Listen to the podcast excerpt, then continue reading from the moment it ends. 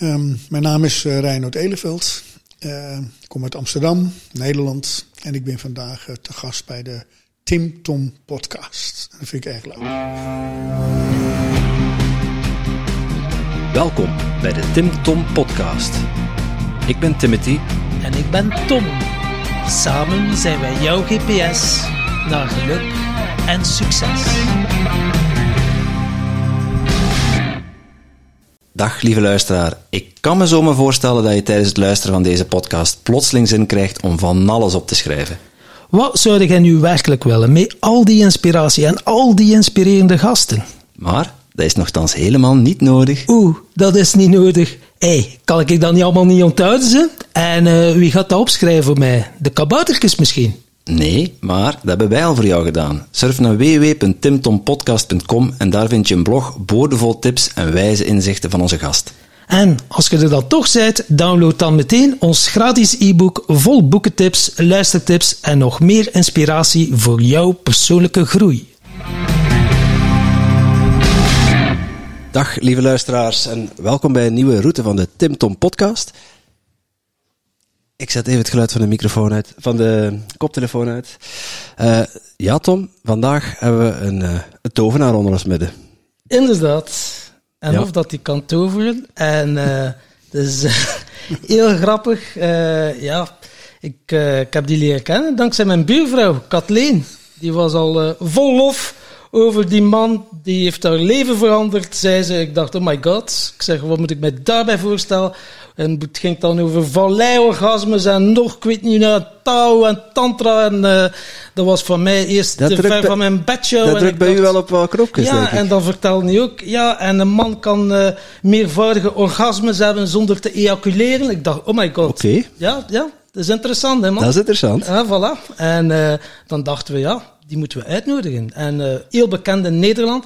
En ook ondertussen in Vlaanderen, want zeker bij de wakkere mensen, als ik zo bij open-up wandelingen doe, en het gaat dan zo wat spiritueel, en uh, valt de naam van Reinhard Eleveld, ik noem hem direct de naam. Uh, oh ja, tuurlijk, en van Valleiorgasme. Ja, ik ben een opleiding bij hem aan het volgen. Dus ja, hij begint bekender en bekender in Vlaanderen te worden. Dus we dachten, dat moeten we delen met gans Vlaanderen. Ja, daar gaan wij ons steentje aan bijdragen. Hè? Voilà. voilà. Dag uh, Rijn, welkom bij de podcast. Ja, ja superleuk. Hey, tof ook dat je helemaal uit Amsterdam naar uh, Merendree bent gekomen. Dat is ongeveer het einde van de wereld en dan linksaf. Ja, ja het werd vandaag nog, nog gekker, want uh, je moet dan langs Utrecht en dan richting Bedra, Be, Bedra, nee, Breda. en halverwege ging de snelweg dicht. En, uh, we stonden snelweg dicht ook gewoon. Ja, de hele A27 ging dicht en... Daar stond natuurlijk meteen in een gigantische file. Uiteindelijk moesten we de snelweg af en moesten we terug, terug naar Utrecht en dan een andere route vinden hier naartoe. Dus ik heb eerder het gevoel dat ik naar Venetië gereden ben dan naar, naar, naar Gent en omgeving. En ik dacht, oké, okay, Reinoud zal dan zijn toverstokje gebruiken, maar heb het niet gebruikt dan?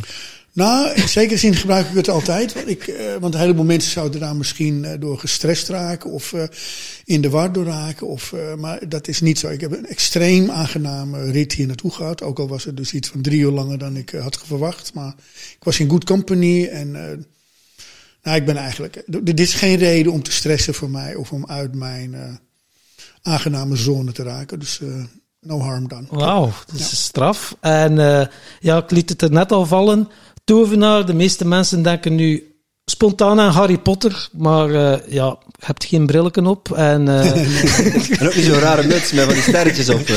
Nou, ik, ben, ik ben wel een fan van Harry Potter, dus ik, ik zie dat wel als, nou, tussen haakjes verplicht tovenaarslectuur. Dus als je nu als jonge man of jonge, jonge meid tovenaar wil worden, dan zou ik Harry Potter zeker aanraden. Ik heb ook met heel veel plezier de boeken gelezen en de films gezien. En heel veel van de dingen die erin voorkomen zijn symbolisch echt wel goed in orde. Uh, maar zelf was het, voor mij was het meer Gandalf uit uh, Lord of the Rings. Ja. Uh, en en Merlijn, nog oudere verhalen. En ook wel een beetje Mickey Mouse met zo'n puntmuts op. Die dan, ja, met die sterren op, hè? Ja, dat ja, in Fantasia 2000, het, het, kleine stukje over de tovenaarsleerling. Dat hij dat die de hele boel in het honderd laat schieten. Dat waren wel een beetje mijn ehm, kinderlijke voorbeelden. Zo, ja. En uh, dat is wel heel erg inspirerend om te hebben. En, uh, maar jij wist al vrij vroeg dat je tovenaar wou, wou worden? Ehm, ja, ik werd geconfronteerd natuurlijk net als iedereen in onze cultuur met uh, wat wil je laten worden op de middelbare school. Dan moet je soort, bij ons in Nederland in ieder geval een keuze uh, gaan maken. Ga je meer de taalkant of meer de natuurlijke en de wiskunde kant op en zo. En, uh, dus mij werd gevraagd, wat wil je laten worden? En ik een beetje, geen idee. En toen uh, mijn vader, dat was ook nog wel een type die dat dan grondig ging aanpakken. Dus ik ben ook een keer, ik woonde in een, in een voorstadje van Amsterdam, maar toen werd ik een dag meegenomen naar een uh, duur pand op de Keizersgracht in het centrum van Amsterdam. En daar ben ik een hele dag getest, uh, een beroepentest, door een van de gespecialiseerde Stok, Stokje de neus? Of, uh... Nou, ik kan me geen stokje in de neus herinneren, maar het was wel uh, de ene test en de andere. En, de, en daar kwam eigenlijk uit van, nou ja, Reinhard kan eigenlijk alles, wel alles worden, multitalentvol, whatever. Kan hij. hij moet alleen geen leraar worden, dat was, dat was wel echt heel duidelijk. en het, geen, het geinige, om, je, je dat, kan, goed, dat kan ook je, iedereen kan het te horen. goed uitleggen. Ja, nee, nee, maar dat kan ook iedereen nu horen. Mijn, mijn stem heeft wel een soort ruis. Er zitten al van jongs af aan wat poliepjes op mijn stembanden. En ik zou dan achter in de klas niet verstaanbaar zijn als, als onderwijzer. Dus daar mocht ik dat niet worden. En het geestige is dat ik nou precies dat geworden ben. Ik geef heel veel les. En dan zitten er groepen van 80 mensen voor me. En dan heb, gebruik ik geen eens een microfoon. En dan kan ik nog prima. Maar anyway, daar kwam eigenlijk ook geen duidelijk iets uit. En, maar toen werd ik op een dag wakker. En toen was ik 15, net 15 geworden. En ik werd wakker met het inzicht of de ja, de kraakheldere beleving. Nou weet ik wat ik wil worden. Ik wil tovenaar worden. Dat was echt, dat was gewoon in één klap helder. Dat was het. En uh, ik was ook slim genoeg om dat niet tegen mijn ouders te vertellen. En ook niet op school. Ik heb, ik heb iets anders verteld. Piloot heb ik in eerste instantie verteld. En later, wou ik uh, socioloog worden, heb ik zogenaamd verteld. En weer later heb ik gezegd, nee, ik wil scenario schrijver worden. Maar klopt allemaal, hè? ik heb het ook allemaal wel een beetje gebruikt. En het heeft ook allemaal wel zijn waarde gehad in mijn opleiding als, als magier. Maar uh, het, ik heb nooit tovenaar. Kijk, als je, als je dit gaat vertellen op je vijftiende, dan krijg je medicijnen.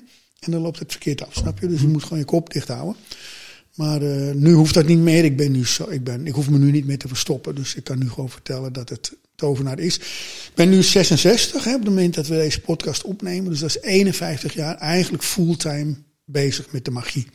Dus waar andere mensen tot hun 60, 65 een beroep... Uh, bij heel, uh, ja, bij heel, naar, naar een hoge beroepsopleiding of universiteit of whatever. En dan al die jaren werken. Maar ik heb dat dus allemaal niet gedaan. Ik ben gewoon van mijn vijftiende tot mijn 65 fulltime bezig. Met en dan heb je, oké, okay, je hebt maar ja, veel mensen uh, halen het misschien wat door elkaar. Je hebt tovenaar, goochelaar, illusionist. Maar tovenaar oh, okay, is dan ja. wel nog iets anders, hè? Nou, tovenaar of sorcerer of magier. Uh, ja, ik heb het dus niet over goochelen. ik, kan, ik, kan, ik, kon vroeger één of twee trucjes met kaarten, maar dat ben ik nu heel, dat heb ik al veertig jaar niet meer gedaan. nee.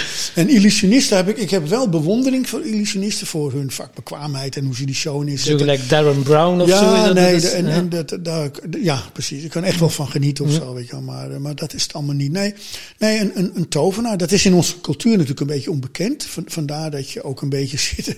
Wat, wat, hebben we, wat zit hier nu eigenlijk bij jullie uh, aan de microfoon? Maar uh, eigenlijk een gewoon mens, zeg maar, net als jullie. Um, maar zo is het mij ook gegaan. Aanvankelijk vond ik het een beetje bij de shamanen. Dat was mijn eerste stap. Ik kreeg, uh, ik kreeg contact met een Hongaarse shamaan. Uh, Soska Roos was dat. Uh, die was toen al veel ouder en die was door de hippies in Amsterdam werd uitgenodigd als eerste buitenlandse shamaan.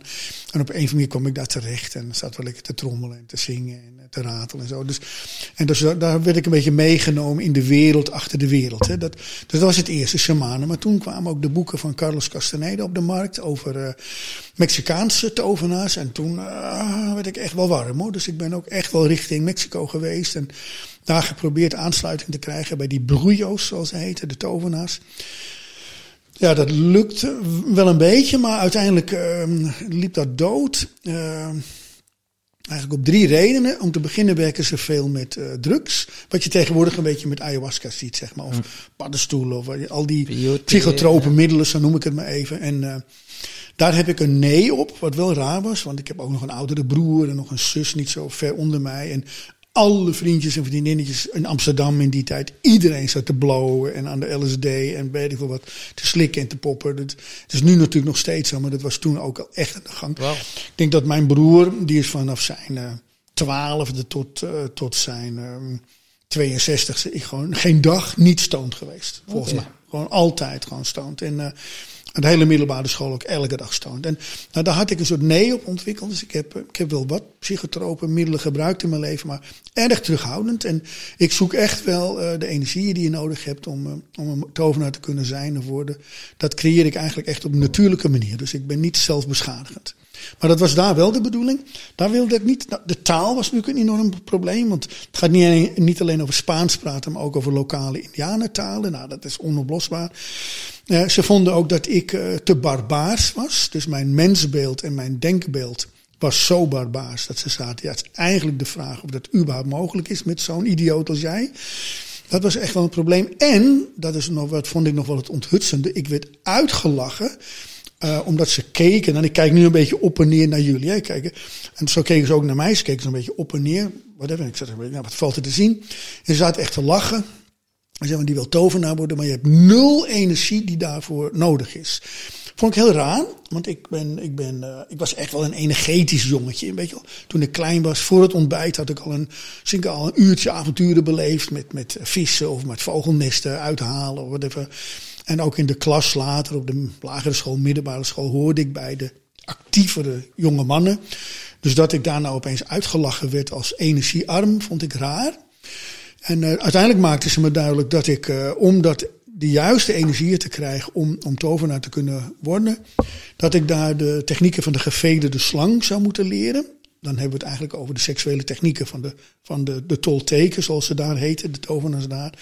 En toen zeiden ze ook dat dat gaat zeker twintig jaar opleiding duren voordat we jou dat überhaupt gaan leren. Nou, toen voor, voor je het überhaupt mag leren, duurt het al twintig jaar? Nee, dus voordat ze, mij, voordat ze bereid waren om mij dat te gaan leren, die technieken, wilden ze me sowieso al twintig jaar hebben als leerling om andere dingen te leren. voordat ze überhaupt die seksuele technieken gingen geven. Nou ja, eigenlijk, alles, werd, die barrière werd te groot, zeg maar. Dus ik ben toen nog wat meer gaan reizen over de hele wereld. En ook bij de medicijnvrouwen mannen in Zuid-Afrika gekeken. En Peru ben ik geweest. En... Uh, Aboriginals en de Maoris en de Polynesiërs. Uh, dus echt wel bij, die, uh, bij de Kahuna's ook gekeken. De Polynesi Polynesische magie. Had ik wel een beetje van plan om richting voodoo te gaan. En dan in, in Nederland hebben we nog Suriname.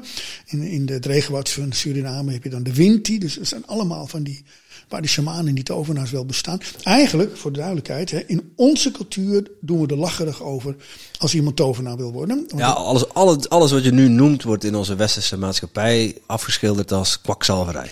Nou ja, de, de, de, voodoo de echte domkoppen die noemen dat kwakzalverij. Maar laten we het zo zeggen, ik, in onze cultuur wordt het niet gezien als echt, snappen, weet je wel? Maar in alle andere culturen bestaat magie als echte optie. Er zijn, en, en, en ik weet niet of jullie hier wel eens één of twee mannen of vrouwen hebben meegemaakt. Maar er zijn mannen die hebben heldere handen. Dus die kunnen, kunnen gewoon een paard. Ik heb oh, ook echt in Nederland. We, we hebben al, ik denk niet dat we ze op twee handen kunnen tellen. De mensen die we in onze podcast al gehad hebben, die nee, eh, maar ga er maar eens op zoek. Ga, maar ga in jullie podcast maar eens vragen. Zeker. We zoeken contact met een helderziende vrouw of helderziende man. Of, of mannen die dieren genezen met hun handen door op het dier. Te, gaan jullie maar eens, gaan maar eens informeren en dan komen ze. Mm. En dan gaan ze, zijn geweldige mannen en vrouwen, ook zeker hier in Vlaanderen, die vaak een beetje stil zijn. Omdat ze dan, als je het oplet, kwakzalvers uh, worden genoemd. Maar er zitten echte, waarachtige mannen en vrouwen bij die echt kunnen zien en echt kunnen voelen en echt kunnen helen. Zie je dus nou, op de hele planeet heb ik die ontmoet. Ik heb een enorm spoor in mijn jeugdige ontwikkeling, zeg maar, tussen mijn vijftiende en dertig jaar, zo vijftien jaar lang, de hele planeet over, op zoek naar mannen en vrouwen die die iets konden wat eigenlijk niet kon. Dat, uh, maar dat moet dan natuurlijk wel bekostigd worden als je zo gans de wereld rondreist. Ik kan mij wel niet inbeelden dat al met je tovenarij genoeg geld verdienen of dat er werd gesubsidieerd nee, door, uh, nee. door nou, Nederland. Een beetje wel, dat klinkt een beetje raar, maar uh, zeg maar aanvankelijk was ik gewoon student. Hè. Ik ben... Ik, en uh, ik, ik heb geen universiteit gedaan, maar ik heb een hogere beroepsopleiding gedaan. En maar eigenlijk, dat, dat wist ik toen niet goed. Maar ik heb, ik heb wel het vermogen om op academisch niveau te functioneren. Maar ik, ik heb natuurlijk geen academische route gevolgd. Maar ik, ik, ik heb wel het vermogen om dat te doen. Dus ik kwam op zo'n hoge beroepsopleiding terecht. Um, was meer sociaal pedagogie. Uh, ja, nou ja, daar, daar, daar had ik aan één één uurtje studeren per maand voldoende om dat gewoon af te maken. Dus ik had heel veel vrije tijd en ik ook een beetje geld. Dus ik kon wel rondgaan een beetje. Oh, nou, daarna ben ik uh, vrij snel uh, reisfotograaf geworden, waarbij ik uh, in de reiswereld terecht kwam. En uh, nou, dat was gewoon de hele wereld over reizen. Dat, dat gaat het gewoon over een hotelkamertje fotograferen, een zwembadje en lachende mensen op de markt en, en een palmenstrandje. Maar als je een beetje handig bent, dan kun je dat razendsnel heel goed. En dan heb je steeds één, twee, drie dagen de, de mogelijkheid. Stap, hou je gewoon een taxi aan en zeg je, wat is de meest bijzondere man of vrouw die jij kent hier in dit dorp of in deze stad? En dan checken ze even, hup, en dan eh, word je zo ergens heen gereden. Dan kom je in een steegje terecht of in een of ander fletje in de buitenwijk terecht. Of, en dan zit je weer, weer bij zo'n man of zo'n vrouw die kijkt of die kan of voelt of beweegt. En nou, er, is, er zoveel bijzondere mensen op de planeet. Zo mooi. Dus dat, dat, dat heeft me de, voldoende. Daardoor ben ik losgekomen van het puberale idee van Merlijn en Gandalf. En, en heb ik echt ontdekt, er is een wereld achter de wereld. En wat eigenlijk de, de tovenaars doen, of de, de, de shamanen of de medicijnvrouwen, die kunnen in die wereld achter de wereld bewegen en aanwezig zijn. En dat kun je heel groot maken. Dat, eigenlijk is de, het innerlijk landschap, zoals het ook wel genoemd wordt, is net zo groot als het uiterlijke landschap. Ja, dus dan gaan we van hier naar Mars en dan linksaf, uh, weet ik veel. Gaat dat dan over de verschillende dimensies? Wij, de meeste mensen zitten in een derde dimensie, dualiteit. Spreek jij dan over de zesde of de zevende dimensie? Of moet ik mij dat... Uh... nee. ja. Bijvoorbeeld. Ja, nee. Ja, nee. En... ik, ik snap de vraag natuurlijk. Maar um, het, het is wel belangrijk om heel goed te begrijpen waar het over gaat. En om te beginnen... Er zijn eigenlijk... Kijk, als je tovenaar wilt zijn of, of uh, vrouwelijke tovenares of tovenaar. Of uh, een witte heks. Of een, of een sorcerer. Een sorcerer zijn allerlei dingen bij die je kunt wel of niet kunt trainen. Um, het gaat over het spanningsveld tussen potentiële wereld en gemanifesteerde wereld. Dus, dus zoals ik, ik kan nu op de, op de microfoon kloppen, dat hoort iedereen. En denk ik, hè, dat kan je zo. Ja, dat hoort heel goed. Dus die microfoon voor mij en voor jullie zijn die microfoon, die zijn echt gemanifesteerd. Die zijn ook wetenschappelijk aantoonbaar. Dus de gemanifesteerde wereld is eigenlijk de wereld waarin wij in, in onze cultuur veel aanwezig zijn. Maar de, de fundamentele vraag is, waar komt die wereld vandaan? Dus de, er moet eigenlijk een potentiële wereld zijn waar alles wat bestaat, voordat het gaat bestaan, uh, al aanwezig moet zijn. En bijvoorbeeld over een uurtje zitten wij misschien, misschien nog steeds. Hè? Maar die wereld, dat wij over een uurtje met z'n drieën hier nog steeds zitten te praten, die moet in potentie aanwezig zijn. Als die, als die niet bestaat, dan gaan wij niet over een uurtje hier zitten. Het hmm. moet bestaan.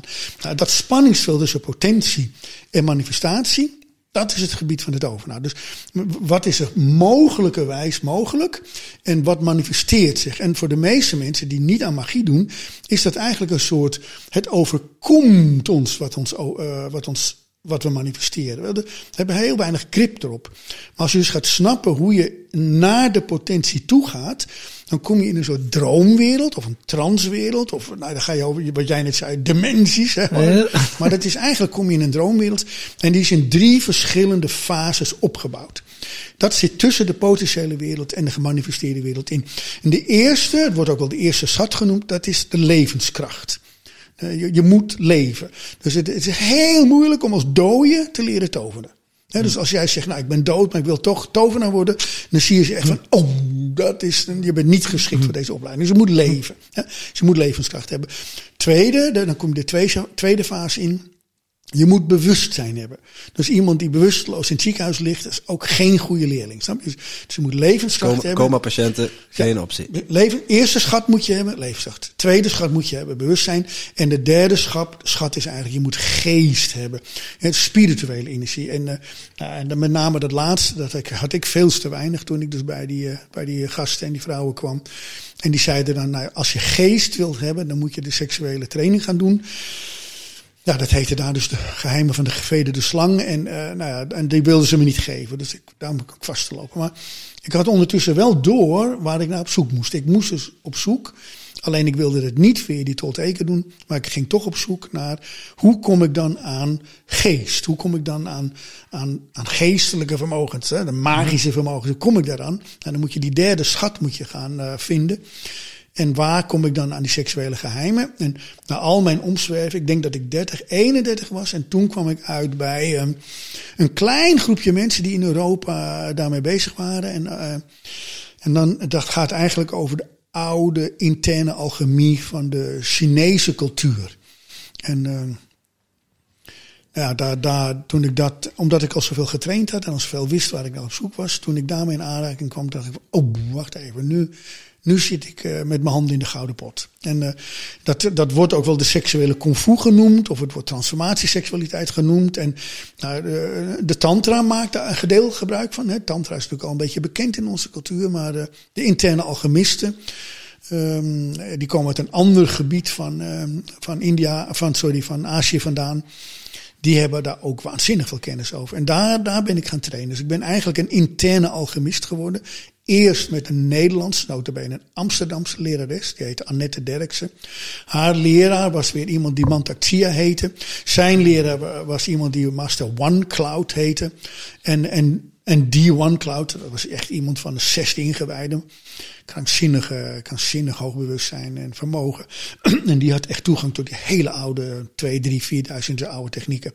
En via die route ben ik gaan lopen. En ben ook China in geweest toen dat een beetje mogelijk was. Halverwege de jaren negentig werd dat mogelijk. En toen was mij wel gewaarschuwd door mensen van nou, ze zijn er niet. Er zijn geen leraren, er zijn geen lerares en je kunt ze niet vinden. Maar ik was nog niet, ik liep nog niet het vliegveld uit op Beijing en, en, in Kunming. En ze, stonden bij wijze spreken op te wachten. Dus uh, er bestaan nog zeker hele bijzondere mannen en vrouwen die dan echt wel een beetje in de, in de bergen leven dan. Maar ook zich echt wel mengen gewoon in de grote steden. Die dit dus onderwijzen en het ook heel graag door wilden geven aan buitenlanders. Omdat het in China steeds moeilijker wordt om de kennis dus uh, geheim te houden en te bewaren. Dus ik ben eigenlijk Chinees opgeleid inmiddels. Ik ben eigenlijk een Chinese tovenaar, zo zou je het wel kunnen zeggen. En dan uh, heb je het over de seksuele energie die je nodig hebt om je maximum potentieel te kunnen benutten. Ja, nou, nou, dat is exact wat het is. Ja. Heel goed. Ja. Dat is trouwens ja, mijn intentie bij de Sexual Mastery bij Robin dat ik volg. Dat is dus zo van, ik gebruik mijn seksuele energie om mijn maximum potentieel te benutten. Dat is eigenlijk mijn intentie waarvoor dat ik die opleiding volg. Uh, ja. Ja, nou helemaal mee eens. Maar ik kan nu heel goed kijken. Dus ik weet heel goed hoe die Mexicaanse tovenaars naar mij keken. He, dus, en zo kan ik nu naar jou kijken. Dus, dus ik, zie echt, ik zie echt gewoon twee barbaartjes zitten. die, die helemaal, uit, baard natuurlijk. Ja. Die helemaal de verkeerde intentie hebben. En alleen het woordje bij seksuele energie, sexual mastery, dan zeggen we, oh, nou, dat is spannend en dat is interessant, dat gaan we leren. Maar je zult, als je daarmee doorgaat, even voor voor de duidelijkheid, kan ik jullie ook zeer aanraden om ermee door te gaan. En Robin is ook, uh, ken hem, een uh, geweldige, geweldige kerel. Um, ja, dan over tien jaar ga je eigenlijk echt lachen over hoe, wat je nu denkt over seksuele training. Want het zit volledig anders in elkaar dan je denkt. Maar, okay. Ja, ik heb er geen ervaring mee, dus Tom doet de training. Ik oh, Tom, oh, ja. jij weet helemaal van niks. Dus ik ben nog barbaarser dan barbaar. Ja, nog barbaar. Maar kijk, onschuld heeft ook wat, hè? dus voel je niet... Ik ben uh, inderdaad onschuldig, ja. ja. ja. dat is veel waard ook, ja. als je, als je uh, het tovenaarschap in, in normaal Nederland zou moeten benoemen in één zin, hoe, hoe zou je dat omschrijven? Um, nou, het is niet in één zin. Je hebt eigenlijk drie woorden voor nodig. Je zou, zou eigenlijk kunnen zeggen: uh, dokter, psycholoog, uh, priester. Dokter, psycholoog, priester. Dat is een manier om ernaar te kijken. Dus in een mengeling van dan? Nou, in onze cultuur zijn die, die drie schatten, hè, dus levenskracht en, en bewustzijn en, en spiritueel ontwaken, zijn gesplitst in drie gebieden. Dus, eh, ja. dus bij, als je levenskracht, als je problemen hebt met de levenskracht, ga je naar de dokter, het ziekenhuis. Ja? En als je bijvoorbeeld een beetje in de knoop zit met, uh, met jezelf, dan ga je naar een psycholoog. En als je echt zingevingsproblemen hebt en uh, weet ik wat, dan ga je naar een priester. Ik zeg even wat, hè. Dus dan ga je naar de kerk. Dus we hebben de kerk en we hebben de therapeutische bank en we hebben de, de onderzoekinstrumenten van onze medici. Maar dat zijn dus drie verschillende groepen die zich ook eigenlijk niet goed met elkaar verhouden. Een beetje, een beetje scheef naar elkaar kijken. Weet je wel? Nou, als je dat tegen de tovenaars zegt, dat wij in onze cultuur de drie schatten dus in drie verschillende beroepsgroepen hebben gescheiden, dan denken ze echt dat ik A, dat ik ze voor de gek hou. Dan denken ze, oh, hij zit een practical joke uit te halen hier. En dan als ze echt gaan snappen dat ik het serieus probeer uit te leggen wat wij in onze cultuur doen. Dat wij onze gezondheid en onze psychische balans en onze spirituele zingeving, dat we dat gescheiden hebben.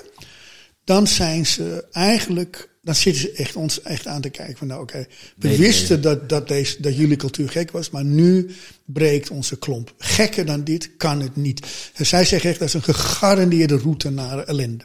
En dat, en dat zien we natuurlijk ook om ons heen gebeuren. We zijn, we zijn in een ziedend tempo onszelf aan het beschadigen, de, onze, onze kinderen aan het beschadigen, de hele, de hele natuur aan het beschadigen. We zijn echt, echt barbaars. Hè?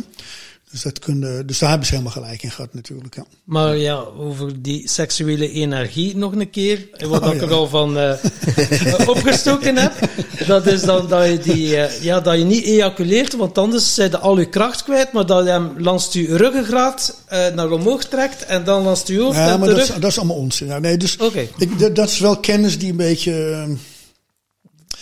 Eh, Ik kan het zeggen dat, tegen dat is met de eerste boeken, de eerste boeken die dan uit India komen, of de eerste. Dan, eh, dan, dan, dus als je eenmaal verstand krijgt van seksuele energie. Even voor duidelijkheid, voordat we helemaal ook de, de mensen thuis op het verkeerde spoor brengen.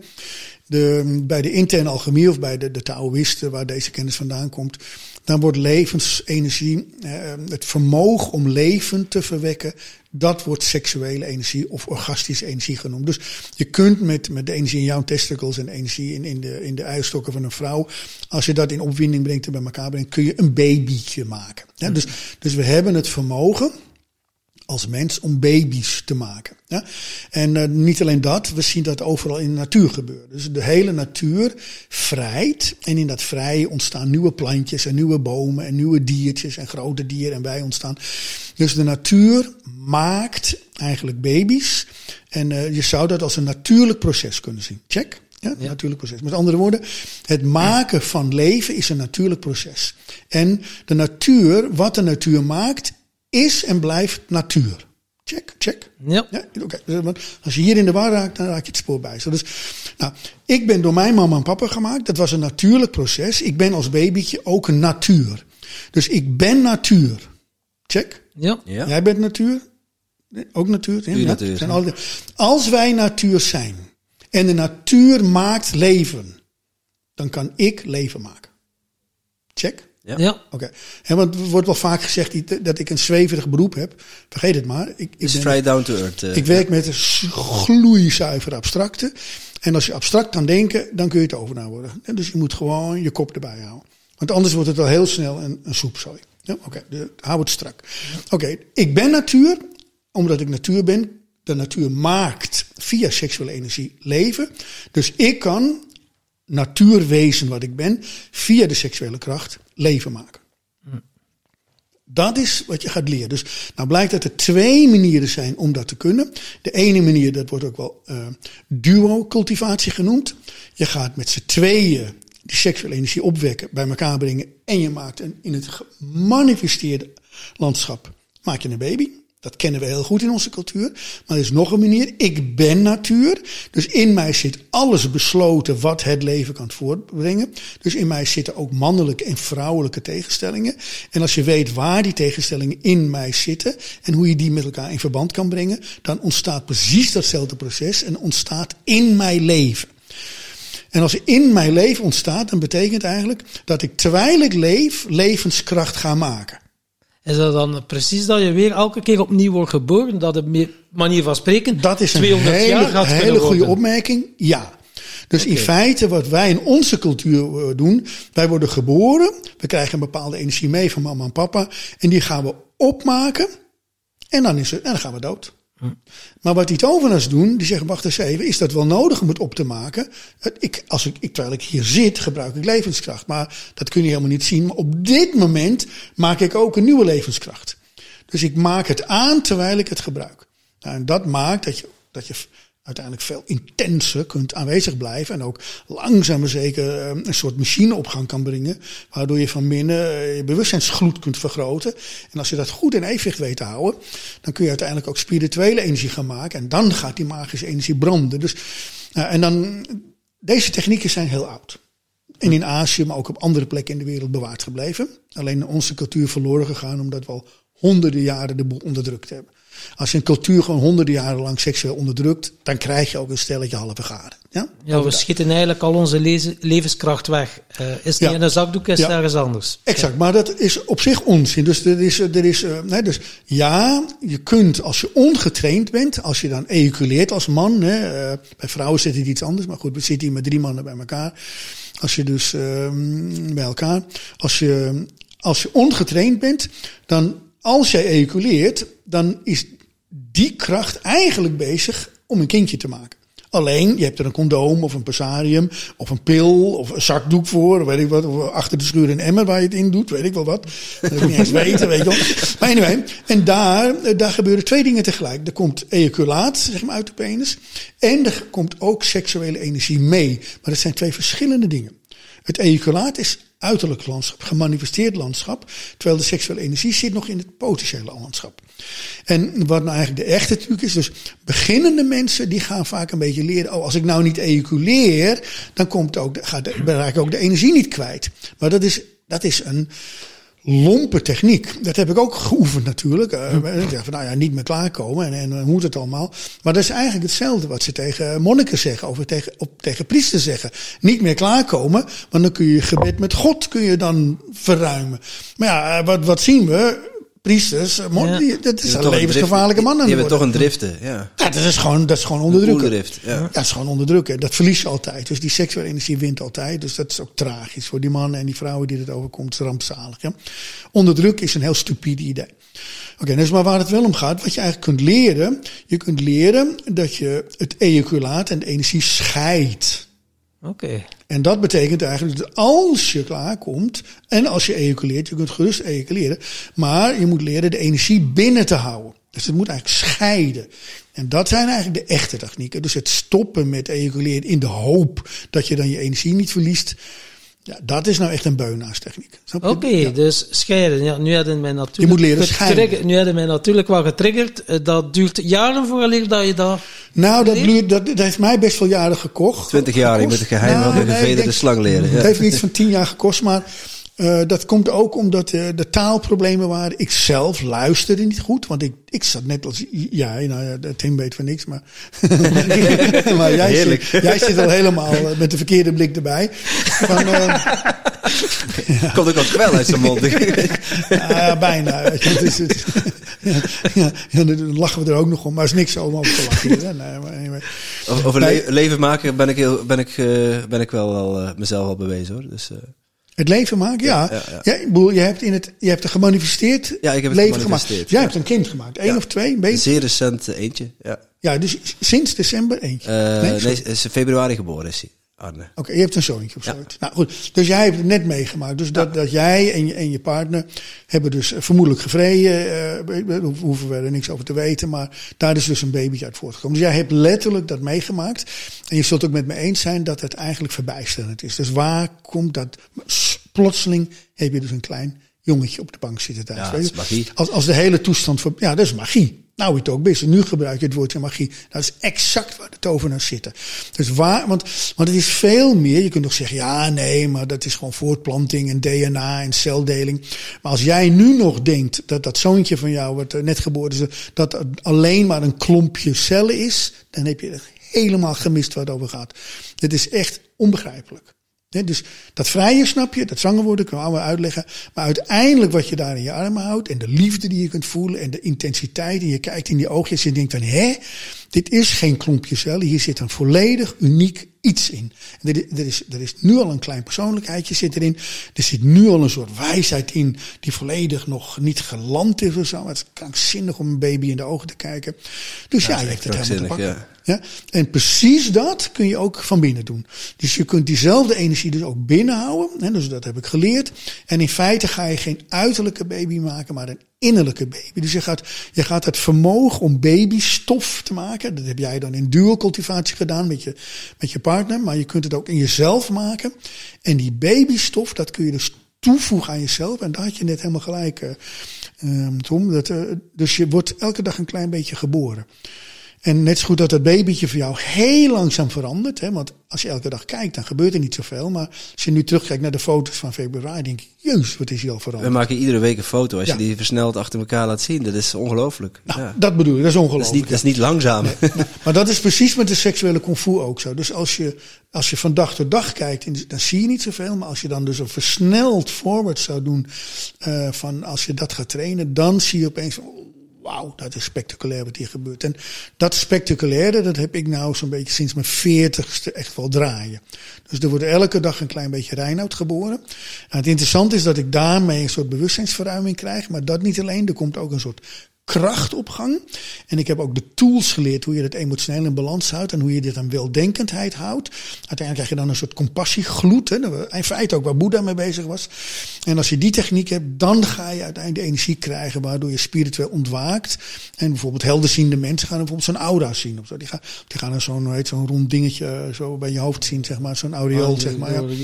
ja. dat is aan het gaande, zeg maar. En die aureoolenergie, dat is de energie van de tovenaar. Ik denk dan, ja, uit de boekjes kun je het niet leren, dus je gaat toch moeten oefenen. Dat met monocultivatie dan. Uh, dat is dan, ja, uh, jezelf uh, bevredigen, maar net voordat je ejaculeert, die energie binnenhouden. Zo, zo is het begin. Dat zijn de beginstapjes hoe de, de Robin, ja. de Robin ja. onze tip Ja, nee, maar Robin, nogmaals, Robin is, is, is, is Robin is, ja. ik ben blij dat Robin is. Hè? En iedereen moet ook blij zijn als ze met hem kunnen werken, zeg maar. Maar anyway, nee, je moet ergens beginnen. Ja.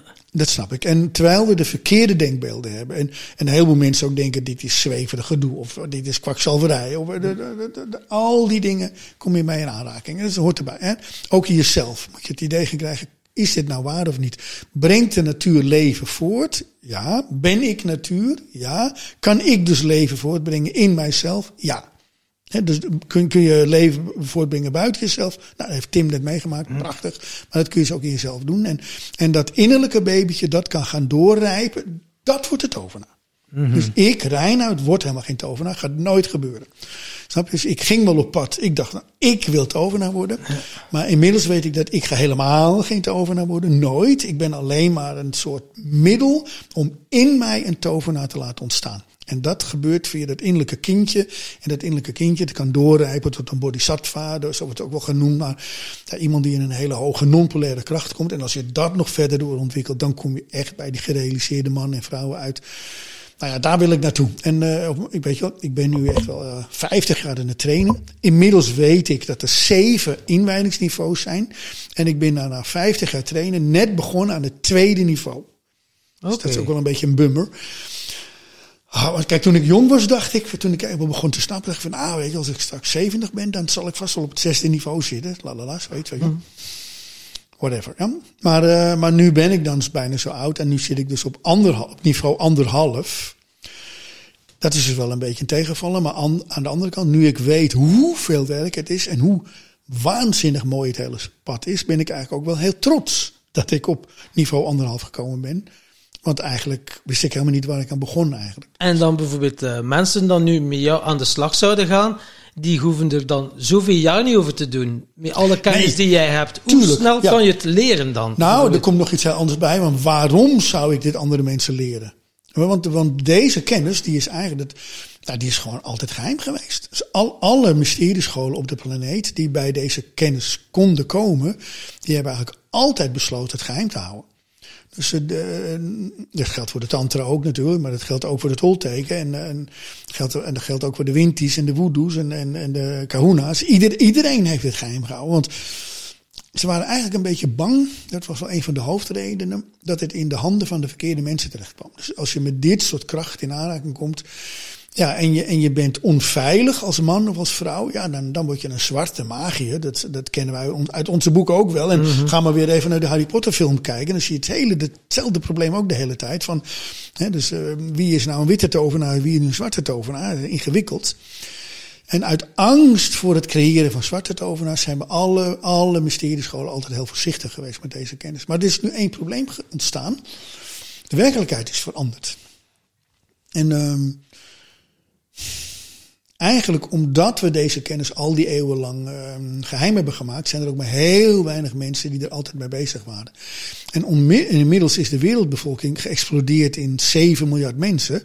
Maar nu blijkt dat er veel te weinig ingewijde mannen en vrouwen zijn, tovenaars, die die 7 miljard kunnen gidsen en leiden van, oh, oh, waar zijn we mee bezig?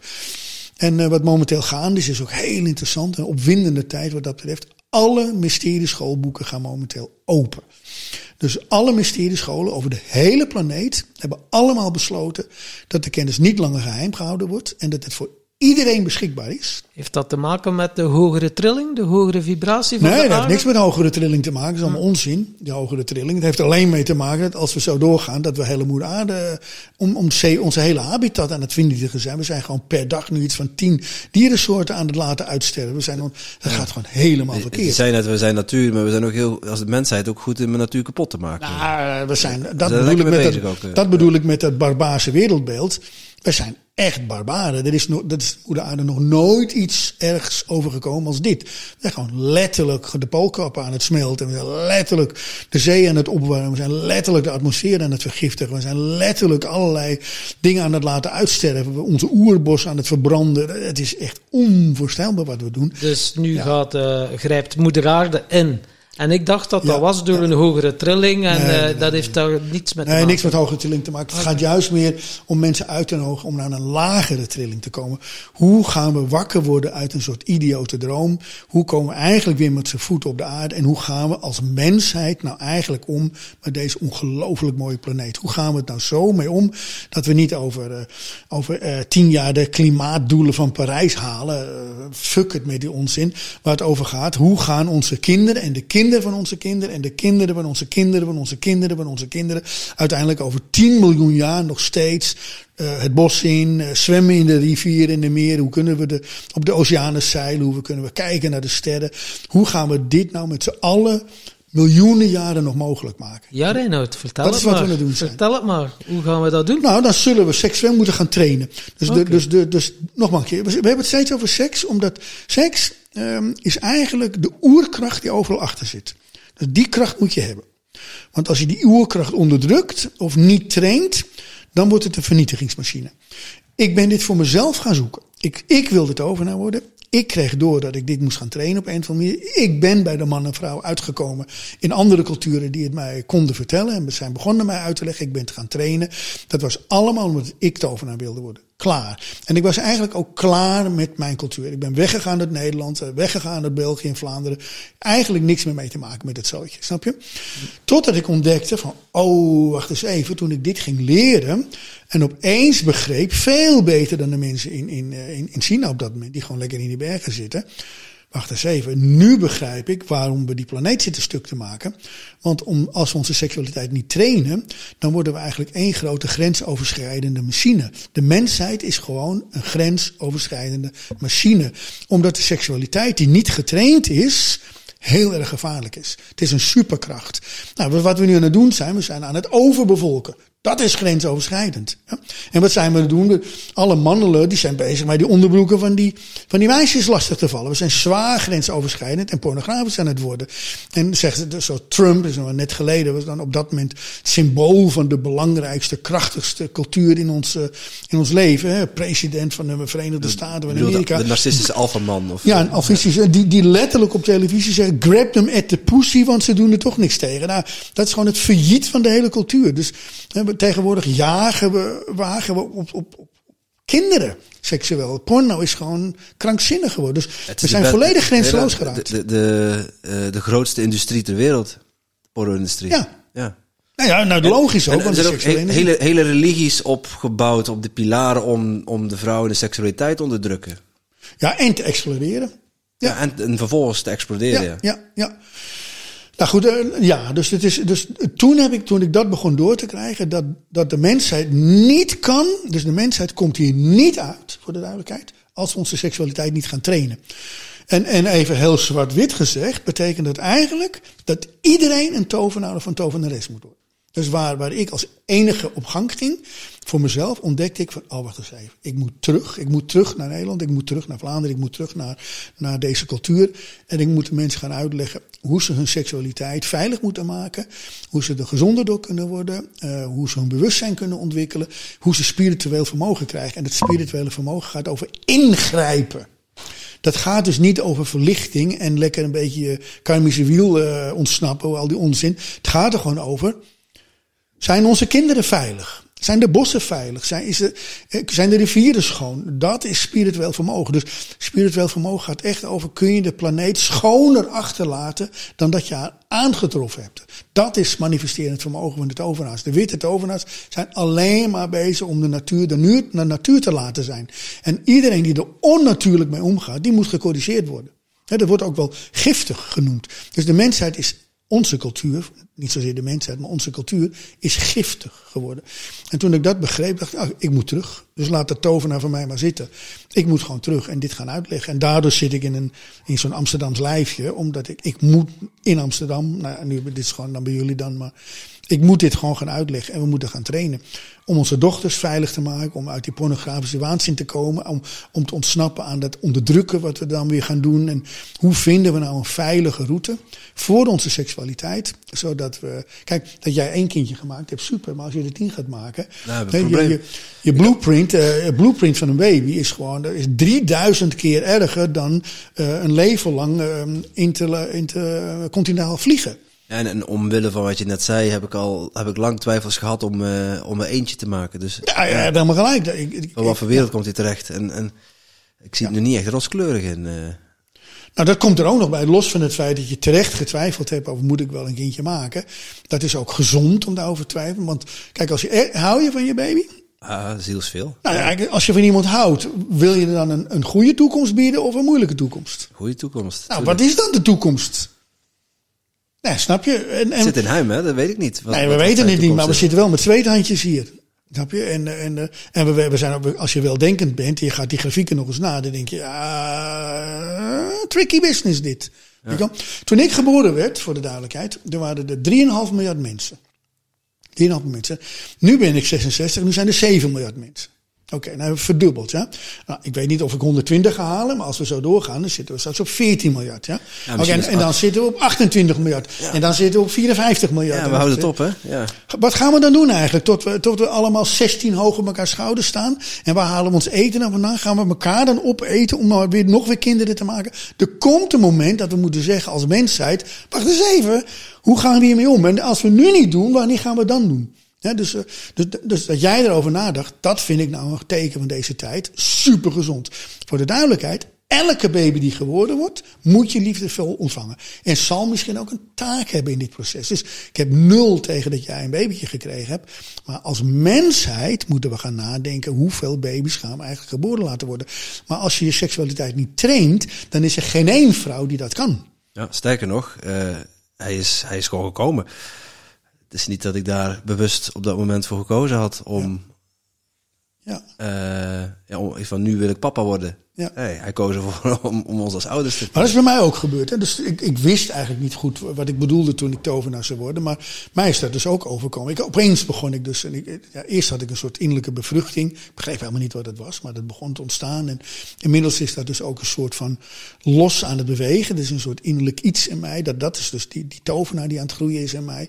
Ja, dat is me ook overkomen. Ik, ik, nu heb ik hem, maar ik wist eigenlijk helemaal niet wat ik gedaan had. Net zo goed, ja, nu heb jij zo eentje.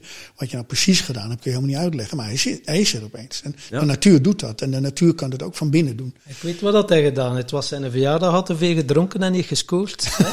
ja, zo kun je het ook uitleggen. Ja, ja, ja. ja het was niet de eerste keer dat ik het deed hoor, Tom. Ja. ja. Maar uh, ja, we moeten met minder volk zijn. Uh, het is wel grappig, ja. De farmaceutische industrie is anders wel goed bezig hè, om ervoor te zorgen met al de vaccins, denk ik dan.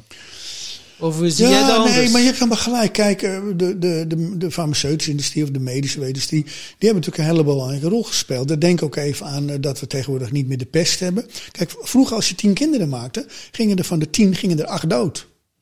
Maar, maar zou jij blij zijn als je babyje doodgaat? Nou, nee, snap je? Wie is nou blij dat zijn baby's doodgaan? Niemand, toch? Nee.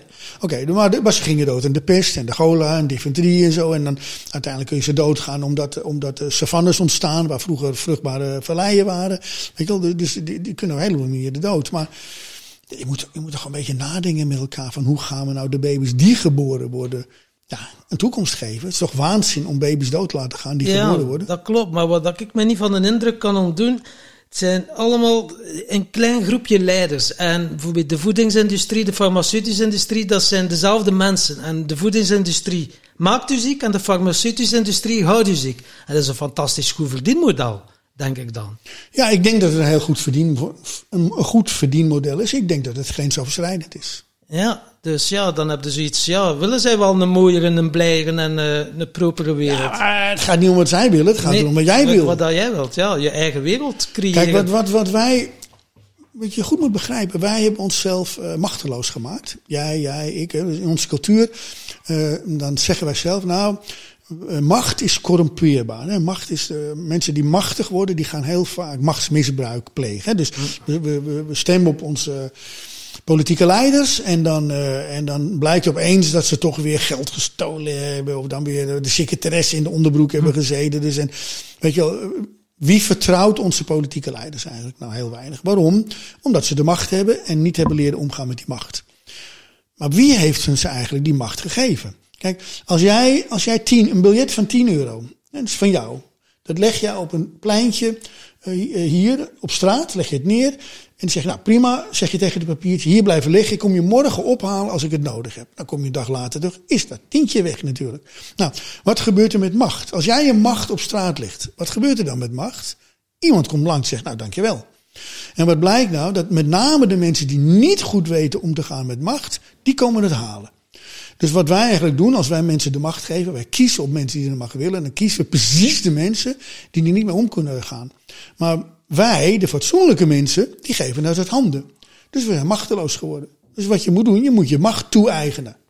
En als we het dan verder trekken, maar dat is dan, ja, de ene mens zegt van, wow, zweef maar weg met een bezem. Maar als je dan eens hoort, de reptilians, gelijk dat Marcel Messing dat zijn de absolute heersers uiteindelijk, de reptilians. Ja. En die voeden zich met eh, angst en pijn en dan nog liefst met satanistische Ja, maar bij van reptilians wordt altijd genet gedaan alsof dat er een paar schurken zijn die de reptilians zijn.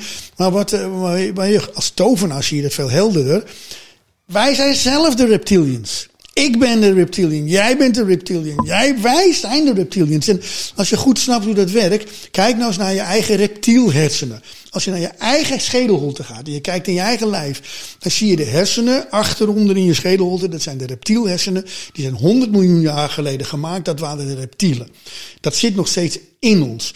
Daar vlak boven aan de achterkant zitten de zoogdierhersenen. Die zijn later uh, ontwikkeld. Wij zijn ook zoogdieren. Hè? En daarboven zitten de primaathersenen, de apenhersenen. Die zitten ook in ons. We zijn ook apen en hebben ook nog frontaalkwabben. En die frontaalkwabben die maken dat er eigenlijk geweldige mensen kunnen zijn. Nou, wat er nou eigenlijk gebeurt, die reptielhersenen en die apenhersenen, die grijpen de macht in ons. Dan heb je een reptilian. Dus een slim reptiel. Dat is wat iemand is die gebruikt de helft van zijn hersenen. Dus die gebruikt niet zijn kleine hersenen. Dat zijn zijn zoogdierhersenen waarbij je je kinderen beschermt. Ze gebruiken niet hun frontaalkabel waar je het grotere geheel denkt. Ze denken alleen op een hele slimme apenmanier aan het reptielgevoel van ikke, ikke, ik en de rest kan stikken. Dat zijn de reptilians. En dat zit in ons allemaal. Dus iedereen die denkt, ja, de reptilians die hebben de macht. En zo is wel waar, maar dat bedoelen ze jou. En dan bedoelen ze jou en dan bedoelen ze mij. Dus als je het hebt over de macht pakken en de reptilians niet meer langer de baas laten zijn over de mensheid. Dan moeten we onze kleine hersenen erbij gaan halen. De liefde voor een kind zit daarin verstopt. We moeten onze frontaalkwab aanzetten. Dat voorzien van energie. En opeens toekomstgericht gaan nadenken over niet ik, ik, ik. Maar het ik en het wij en over het grotere geheel. En dan ben je van die reptilians verlost. Maar dat, er zijn geen reptilians. Het zit allemaal in ons. Het is, het is één groot geheel van symbolische kracht. Die kun je heel goed waarnemen in het innerlijk landschap als tovenaar. En de mensen raken dan in de war dat dat echt bestaat. Maar het bestaat niet echt. Het bestaat als symbool in het innerlijk landschap. En het zit in ons allemaal. Maar als het in ons allemaal zit, bestaat het dus Ja, daar. ja, exact. En, en dan zijn het eh, de mensen die de tientjes op straat zien liggen en, eh, en pakken. Dat zijn degenen die, eh, ja, die dan aan de touwtjes stekken daar van boven. Nou ja, die dat activeren, dat zijn de slimme reptielen. Want je zou ook kunnen zeggen dat je de tientje opbrengt. Van verrek, dat heeft iemand misschien. En je belt even aan, hebben jullie misschien een tientje laten liggen? Wat staat tegen?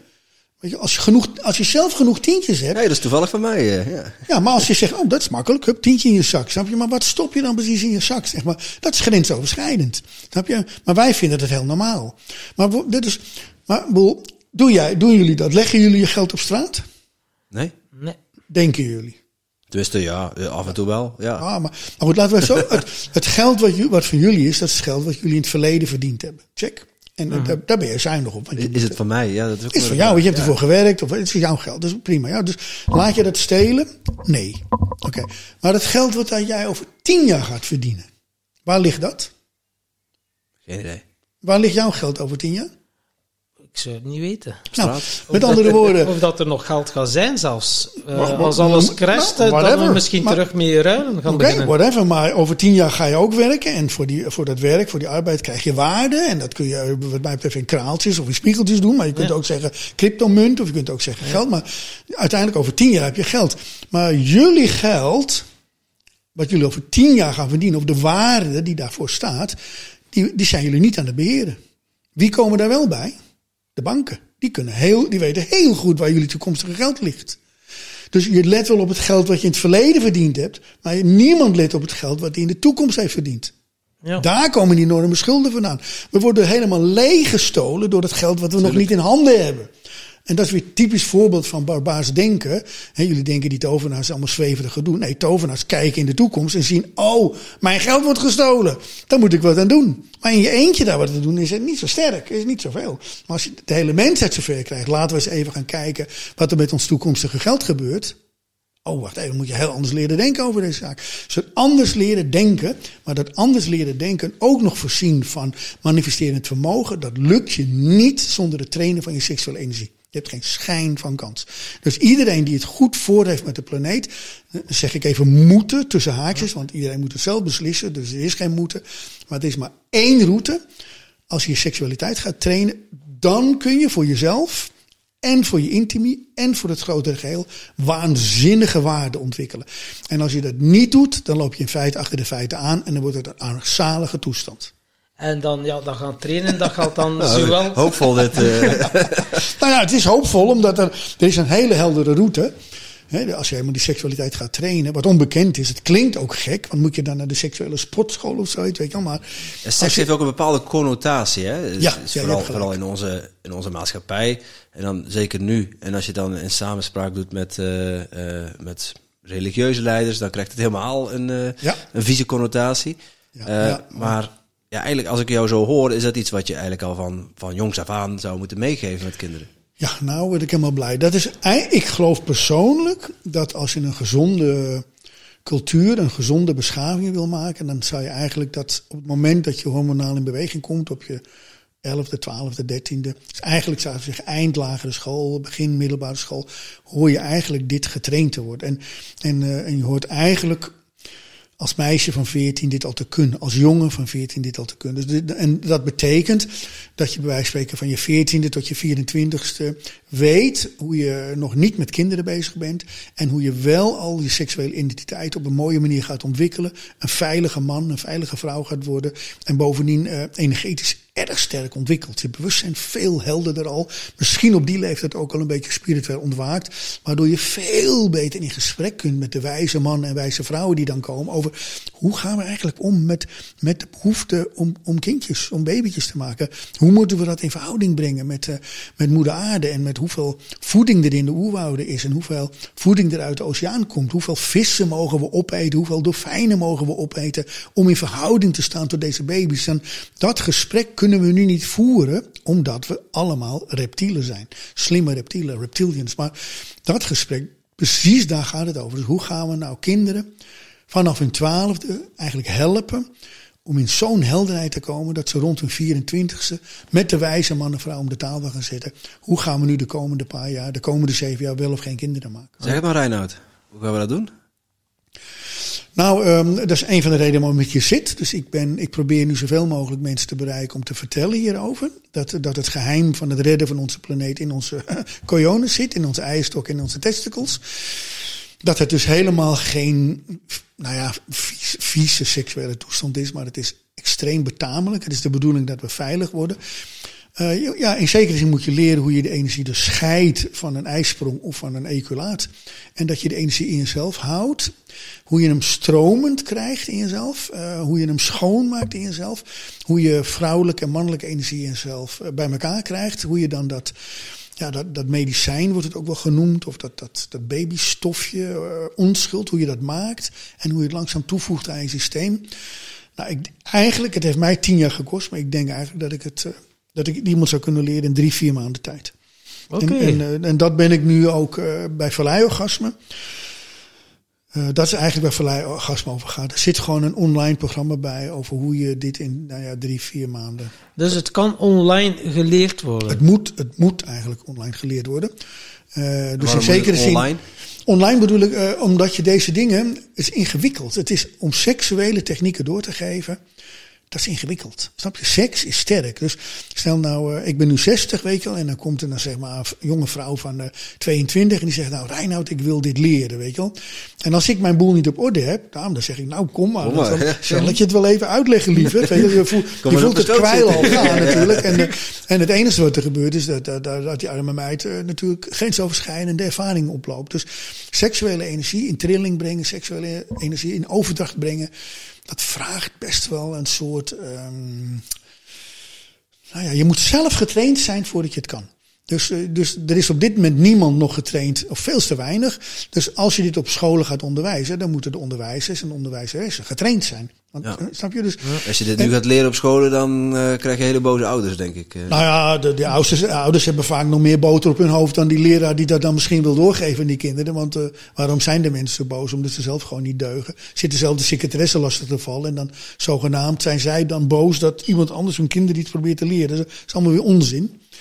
Maar het is, een, het, is een, het is een ingewikkelde materie. En wat blijkt nou? Ehm, wij als volwassen mensen, als we hiermee aan de gang gaan, dan moeten we eigenlijk de, de duocultivatie even parkeren. Duocultivatie betekent de interesse in de ander. Hè? Dus Ja. seksuele dus opwinding. de platte seks die we allemaal kennen. Ja, maar platte seks is platte seks. Maar je kunt ook gewoon als de meest mooie, verliefde vrijpartijen zien. Ja, ja, ja, eh, gewoon het, het, de daad, zeg maar. Ja, de daad in al zijn eh, schoonheid en al zijn eh, nou ja, dramatiek of gevaren. Of het gaat ook van alles mis. Maar er zijn natuurlijk ook ontzettend veel mensen die hele fijne seksuele ervaring hebben met een ander. Maar dat is ei- eigenlijk allemaal een beetje gebaseerd op voortplantingsseksualiteit. Maar als je duocultivatie, maar als je monocultivatie gaat trainen, zelfbeminning, zo zou je het ook wel kunnen noemen, dan moet je eigenlijk beginnen met terug te gaan naar de onschuld. Dus je moet eigenlijk eh, letterlijk de slaapkamer in, slaapkamerdeur op slot. Ook als je al 30 jaar lang een partner hebt, of als je net eh, superleuk iemand ontmoet hebt, eh, waar je net zegt, oh, we zijn helemaal verliefd en lekker aan het vrijen, toch de deur op slot. Ja. En als je dan, en, maar dan zit je in je eentje daar, wie geeft je dan les? Niemand, want je zit in je eentje. Nou, en wat blijkt nu met die digitale kanalen, ook, waar we nu ook gebruik van maken, maar die kun je ook oortjes maken met oefeningen. En dan kun dus iemand die weet hoe de technieken zijn, ik kan je inspreken, of voor vrouwen kun je het in laten spreken door vrouwen, die precies uitleggen waar je in je lichaam moet zijn. En dan kun je gewoon met oortjes, terwijl je eentje, in lichte opwinding, het zijn opwindingsoefeningen, maar je leert alleen maar in jezelf dan een beetje die seksuele energie wakker te maken. Even te voelen, waar zit die nou en hoe kan ik dat nou op een bepaald plekje centreren en hoe krijg ik het nou, kan ik het nou sturen en kan ik het nou schoonmaken. Ja, het is, het is eigenlijk, eh, je zit eigenlijk echt wel een beetje te toveren in jezelf. Ja, ja, met, maar- met opwinding. Maar je krijgt huiswerk mee en dan heb je soms dat je de point of no return ook tegenkomt met de monocultivatie. Ja, maar die, die point of no return te- technieken, eh, die, die, die, die kan ik ook doseren en die weet ik ook wel. Maar eigenlijk voor waar ik het nu over heb, is dat niet eens nodig. Het, is, Oké. het is veel simpeler dan je denkt. Ja, Oké. Het is veel simpeler dan je denkt, ja. En ook voor vrouwen en voor mannen, het is gewoon supergoed te trainen. Ja. En dan is het, ja, het heeft dan niks te maken met vrouwelijke energie, mannelijke energie. Het is gewoon, eh, Nou, het heeft wel te maken met mannelijke en vrouwelijke energie, maar het zit in jezelf. De natuur maakt gebruik van mannelijke en vrouwelijke energieën. die polariteit zit in iedereen. polariteit, ja. maar die polariteit zit in de natuur. Ja. Jij bent natuur, dus het zit in jou. Je moet alleen maar leren vinden waar het zit. Ja, want dat is dan al het onderscheid. eh, zo van, ja, dat is mannelijke energie en vrouwelijke energie. Dan moet je eerst wel al het onderscheid leren kennen. En hoe leer je dat? Nou, dat is niet zo heel gewikkeld. Dus eigenlijk, als, als je even kijkt naar waar we nou precies in bestaan, dan zien we dat er twee grote krachtbonden een enorme rol spelen in ons leven. A, de zon. Dat is de mannelijke energie, dat is een soort nou ja, penetrerende, superkrachtige explosie. En onder zijn voeten hebben we een geweldige planeet. En de, de oceaanmoeder en de oceaan. eh, en, en gewoon moeder aarde, dat geeft al aan, dat is een vrouwelijke kracht, een ontvangende kracht. En, eh, en eigenlijk wordt er in de natuur gevreden tussen de zon en moeder aarde. Dus die twee krachten vrijen en die twee krachten maken het leven. En, en wij zijn eigenlijk ook het, nou, het resultaat van dat 5 miljard jaar vrije, weet ik wat, zoiets nu. En dat proces zit in je, dus je hoeft alleen maar, uh, zeg maar, ja, een beetje de, de moeder aardekracht in jezelf te vinden. Dat zit in je testicles, in jouw geval, of in mijn geval, mm. of in jullie geval. En, uh, en uh, de zonkracht, dat zit meer in je hersens. Okay. dus de, de moederlijke kracht is meer het voedende, het droomachtige. Het vaderlijke is meer het, het, het, het, het, inspirerende, het verlichtende, het wakkermakende. En die twee krachten kun je jezelf lokaliseren. Die kun je in beweging brengen via opwinding en het vrije van die twee krachten. Je kunt gewoon het, het vrouwelijke en het mannelijke in jezelf laten vrijen. Dat, dat gaat deels via die meridianen, waar de acupuncturisten ook gebruik van maken. En, uh, nou, nogmaals, het kostte mij tien jaar lang om het te snappen en, en, uit mijn eigen verkeerde denkbeelden te komen en uiteindelijk te ontdekken, oh wacht even, hoe belangrijk het is. En nu ben ik inmiddels zover dat ik ook weet hoe makkelijk het is. Moet je wel goede leraren hebben of leraressen. Ik ben ook mensen aan het opleiden nu. Hè. Dus okay. uh, in Vlaanderen, ik ben echt wel een fan van Vlaanderen, maar er zijn echt wel iets van uh, tien, tien, nou misschien wel 15 mannen en vrouwen in opleiding nu. En in Nederland zijn er nu al meer dan 150 vrouwen en mannen mee bezig. Nederland zijn ook zeker al iets van 5000 vrouwen aan het trainen. Mannen beginnen langzaam maar zeker een beetje mee te doen. In Vlaanderen is het ook echt wel aan het gebeuren nu. Dus ja, uh, ik heb het idee dat ik uh, echt mijn bijdrage lever aan het redden van de planeet. Ja, en dan... Ja. En dat is mijn magie, voor de duidelijkheid. Ja, Daar ben ik ook heel de mannen opleiden en vrouwen opleiden, uh, dat is dan nog uh, dag en nacht verschil. Of is, in essentie komt dat weer op hetzelfde neer dan? Het is, Omdat het in uh, allebei, de vrouwelijke en de mannelijke energie zit in hetzelfde. Het is een verschil, omdat we zijn anatomisch verschillend. Ja, daardoor is het verschillend. En B, we, we, we, identificeren ons ook met het mannelijke of het vrouwelijke. En dat maakt het ook een beetje verschillend. Maar uh, het zijn kleine verschillen in het innerlijk landschap tussen mannen en vrouwen. Soms draait de vrouwelijke energie iets de andere kant op dan mannelijke energie. Maar je moet eerst even ontdekken dat we allebei mensen zijn. En als je doorkrijgt dat vrouwen mensen zijn, dat is moeilijk voor een man. En voor vrouwen is het ook heel moeilijk om te ontdekken dat mannen mensen zijn. Maar als de man en de vrouw gaan ontdekken dat we allebei mensen zijn en dat we vanuit die menselijkheid dit kunnen trainen, dan is het onthutsend hoe hetzelfde het is. Dus dat, dat maken van dat medicijn, hè, waar de medicijnmannen ook gebruik van maken en de medicijnvrouwen, dat is, nou, laat zeggen, 98% hetzelfde voor mannen als voor vrouwen. Dus eigenlijk, ja, die programmering en die overtuigingen die we hebben, die moeten we gewoon loslaten of ontlabelen. Hetgeen dat we hebben geleerd is eigenlijk... Minder belangrijk maken. Dus natuurlijk is het belangrijk dat je vrouw bent en natuurlijk is het belangrijk dat je man bent. Dus dat ga je ook, het is niet zo dat ik het... Ik, ik heb het niet over androgyn worden. Je kunt gewoon man en vrouw blijven. Maar het gaat erom dat je ook ontdekt dat je mens bent. En dat je dat menselijke misschien wel wat meer waarde meegeeft, wat meer belang geeft. En vanuit dat menselijke ben je ook, ben je ook onderdeel van de mensheid. En hoe gaan we nou als menselijk onderdeel van de mensheid om met waar wij mensen eigenlijk zijn ontstaan? En dan kom je weer bij die hele eenvoudige abstracties. En als je die lijn pakt, dan kom je bij seksuele energie uit. En als je dat gaat trainen, nogmaals, het is makkelijker dan je denkt. Het is alleen onbekend. Maar omdat het onbekend is, is het ook niet geliefd. Of is dat wat een boer niet kent, onbekend maakt dat eet hij niet. Zeggen, ja. Of onbekend maakt onbemind. Ja, wij zeggen in Nederland, wat een boer niet kent, dat eet hij niet. maar ja, uh, dat snap ik allemaal wel. Maar uh, daarom ben ik hier ook bij jullie op bezoek om hier bekendheid aan te geven. En de, we, gewoon alle fatsoenlijke mannen en vrouwen die het met hun kinderen goed bedoelen, die met de moeder aarde goed bedoelen, of ze nou hoog springen of laag springen. En dan doe ik weer even met aanhalingstekens. We moeten onze seksualiteit gaan trainen is onbekend, maar het is, het is aangenaam, het is prettig. Je gaat er gezonder van worden, je bewustzijnsgloed gaat er groter worden. En je krijgt ook spiritueel vermogen om met z'n allen in te grijpen op wat hier gaande is. Het is een beetje ja, eerst geloven en dan zien. Nou, dat, dat ben ik wel met je eens. Hè. Dus ik, ik, uh, ik moest natuurlijk ook eerst geloven en dan zien. Maar um, dat ben ik wel met je eens. Wat ik eigenlijk probeer te doen is niet zozeer uh, dat iedereen dat moet doen wat ik zeg. Maar ik probeer eigenlijk het op zo'n manier uit te leggen dat je het als werkhypothese aanvaardt. Gaat proberen. En dan na twee of drie jaar zegt van, ja, wauw, ja, nou, Reindert dat gelijk. En als niet, nou ja, uh, dump de bits, wel, dan uh, ga je wat anders leuks doen. Maar... Ja, wat laatst hadden we Edwin Selei te gast in onze podcast. Wie? Edwin Selei, hypnotherapeut oh, oh, in, in, Nederland, heel bekend. Oh, en hij heeft ook een cursus gekocht en zegt, ja, die is seksuele kungfu, maar dat is maar nou week vier. En zegt, ja, nog zo lang wachten en het ligt ook even op de plank bij hem. Ja, dus, ja, ja, begrijp het. Ja, ja. en... Maar goed, wat ik, wat ik wil, als die cursus.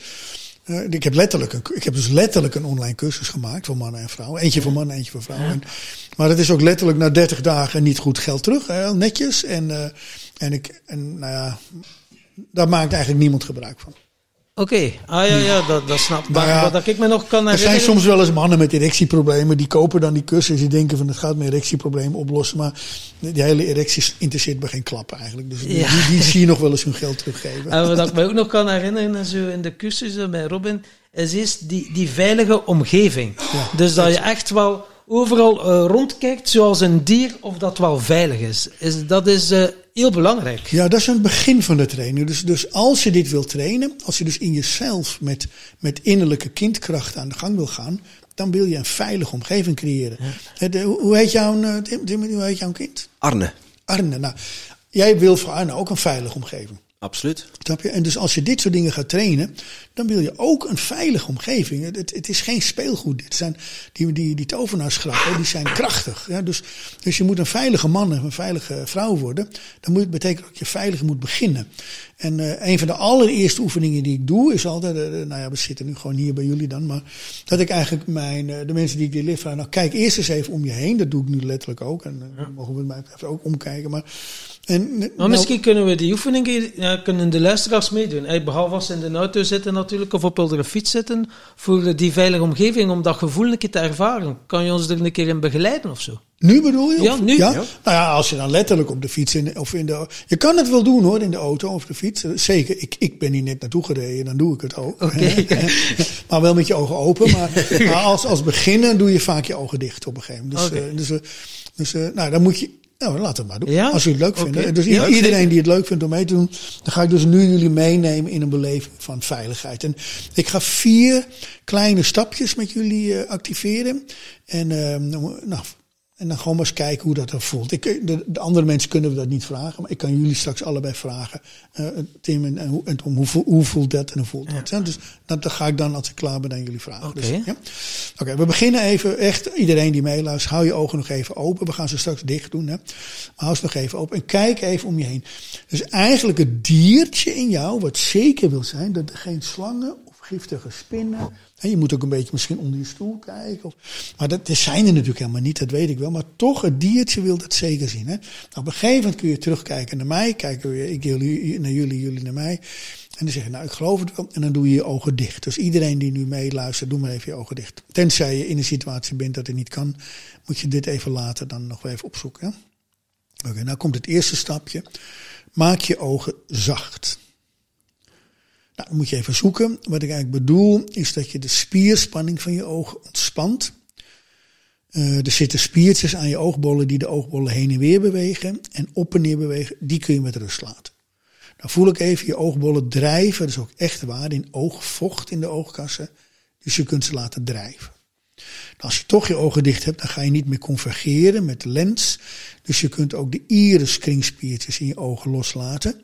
En dan worden de oogbollen ook wat ronder ga je merken dat je oogleden ook wat zwaarder worden. En dus, dus ook wat gaan ontspannen. We hebben ook kleine spiertjes links en rechts van de oogkassen, waar die kraaienpootrimpeltjes zitten. En dat gebruiken we, die spiertjes, als onze ogen wat dichtknijpen tegen te veel licht. Hè. Die kun je ook ontspannen. De frontspieren in je voorhoofd kun je ontspannen. De neusoptrekspieren worden zachter. De spiergroepen van je mond en je lippen, dus de, bovenlip en de onderlip kun je ontspannen. De kaakspieren, de tongspieren. Nou, je kunt zelfs je oorspieren wat ontspannen. Sommige mensen kunnen dat echt voelen of doen. En dan krijg je een zogenaamd kalm en rond gezicht. Dat kun je ook even waarnemen. Van, oh ja, nu heb ik wel een echt heel zacht gezicht. Oké. Dit is eigenlijk het gezicht, hebt, het gezicht wat je hebt als je s'nachts slaapt. S'nachts hebben we een droomgezicht, zou je kunnen zeggen. Maar we hebben een zacht en ontspannen gezicht. En uh, nou, dat, dat gezicht zet je ook alleen op als je je veilig voelt. Hè, dus als je slaapt in bed, dan voel je je veilig. Nou, vervolgens gaan we niks, niks bewegen nu, want het gezicht is niet super. Dan maak je twee lijntjes die van je mondhoeken links en rechts omhoog gaan naar de oren. En dan ga je spitse oortjes verzinnen, elfenoortjes of dokter Spock oortjes. Oké. Dit activeert eigenlijk stilte. En als jij in stilte komt, krijg je het vermogen om de microgeluiden te horen. Nou, dan ga ik even mijn stem stoppen, zodat je kunt luisteren. Iedereen op zijn eigen plek. Nou, wat hoor je allemaal? Benoem het. Een kleine zee aan geluiden. Dierlijke geluiden, natuurgeluiden, menselijke bedrijvigheid. Ventilaren, klokken, machientjes. En nou, de kunst is weer even goed te luisteren en even waar te nemen. Al die microgeluidjes zijn op dit moment niet gevaarlijk voor mij.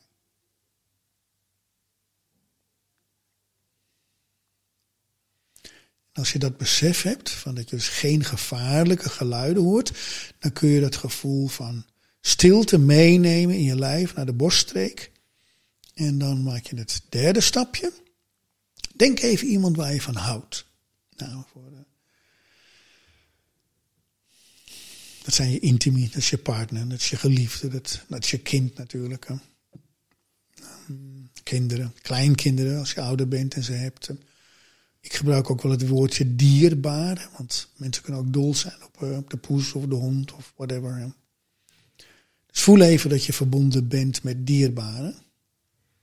En daarmee wordt het besef wakker dat jij je verbindt op een lieve manier met de ander. Voel even dat jij in staat bent om lief te zijn. Zonder iets terug te verwachten. En dan wat er ook gebeurt, je bent niet alleen, dat is ook weer een veiligheidssymbool. Nou, dan die gecombineerde kracht van stilte en liefde, die neem je dan mee nog wat lager in je lijf. Door het middenrif heen naar de buik. En dan verander je je ademhaling op zo'n manier dat als je inademt, laat je de buikwand wat naar voren komen.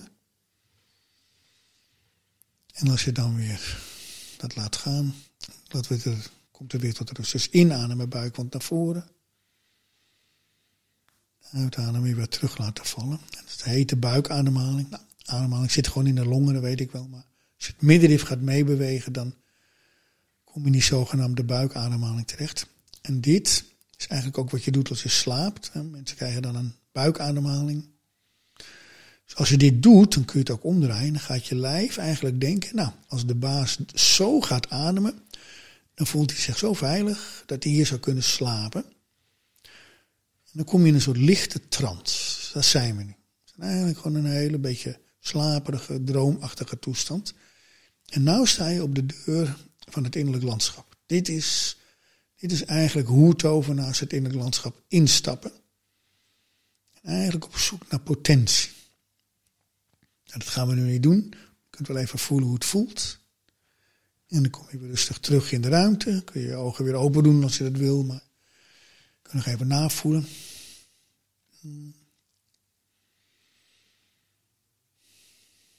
En voor de luisteraars, ik zit al lekker met mijn ogen open te kijken, maar Tim en Tom zitten helemaal relaxed nog uh, bij hun microfoons. En dat kun je misschien zelf ook voelen nog. Dat je echt wel een beetje. Moet ik, ga ik hun vragen dan ook, heb ik net ook uh, aangegeven. Nou.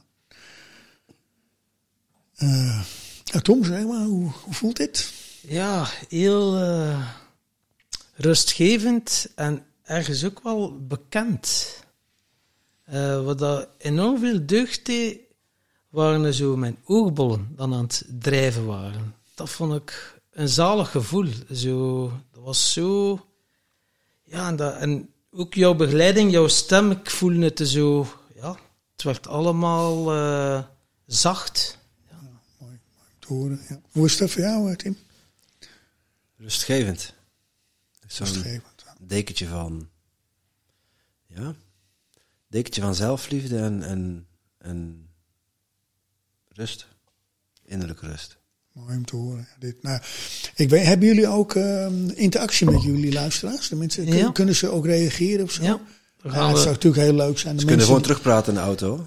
Dat, uh... nee, nee, maar gaan, nee, nee, nee, maar, nee, In onze social media gaan we wel de vraag stellen. Uh, Zeker, ja. Van, uh, hoe dan, wat dat daarbij ja, want, want iedereen zegt wat anders is. Even. Ja. Dus, dit, dit is, wat jullie nu zeggen is heel goed. En soms geef ik ook wel les aan groepen die vrij groot zijn. En geef ik best wel veel mensen even de kans om hier de, dit, dit te doen. Wat jullie net ook deden. Om er even woorden aan te geven. Want je moet even zoeken. Want precies wat jij zegt, is heel kalm, maar ook wel een beetje bekend of zoiets. Hè? Die ook, ja. En dat bekende is, we kennen het eigenlijk ook wel. Uh, als we dromen zitten we hier ook in. Iedere Maar- nacht, ja. Iedere nacht eigenlijk. Dus, dus eh, het is een beetje. dat Kijk, die wereld van de tovenaars is eigenlijk een beetje een droomwereld. Dus, eh, dus ehm, ook als je naar de potentie wilt en, en dat eh, en dus wilt gaan beïnvloeden wat uit de potentie zich gaat manifesteren.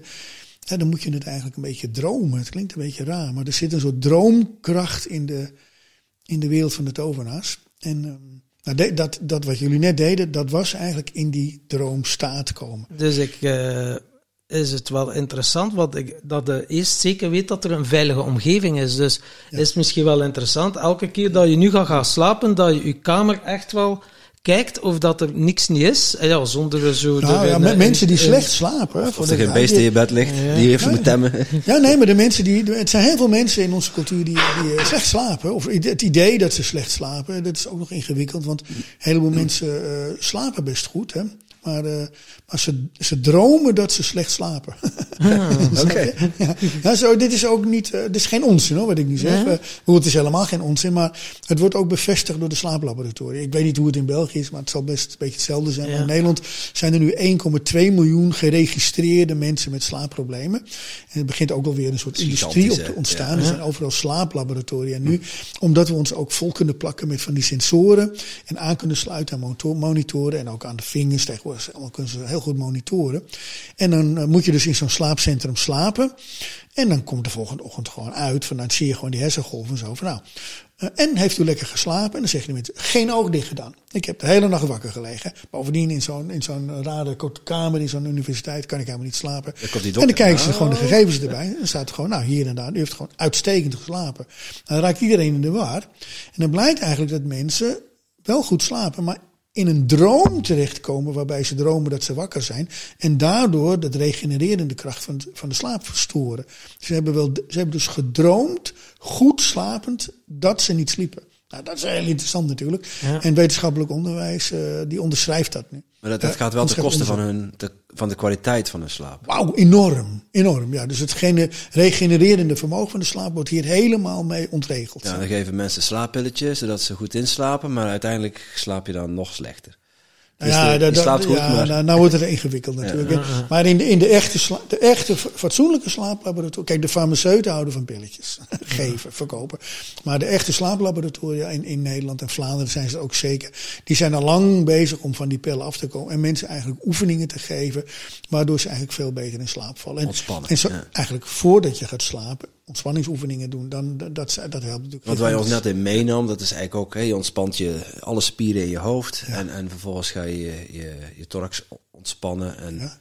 eh, dan kom je in een bepaalde staat. Exact, ja. Dus eh, in de bepaalde tijd als staat, hè, is dat dan? Het is Ja, een beetje nee. een hypnote. Ja, ik ben nu opgeleid als hypnotherapeut, dus Leuk. ik ken het. Dus zo wat de Elman, dus eh, uw Nee, nee, oogleden. Tom is alle cursussen aan het doen en Tim zit er gewoon uh, Ik heb ervaring. bij van nou, sorry, dit wordt mij helemaal te dol, maar we zijn, wel, we zijn leuk bezig. Zo, ja. Ik, eh, ik ben toeschouwer. Ja. maar, maar dat is wel leuk, nu jij gaat dan al die opleidingen doen.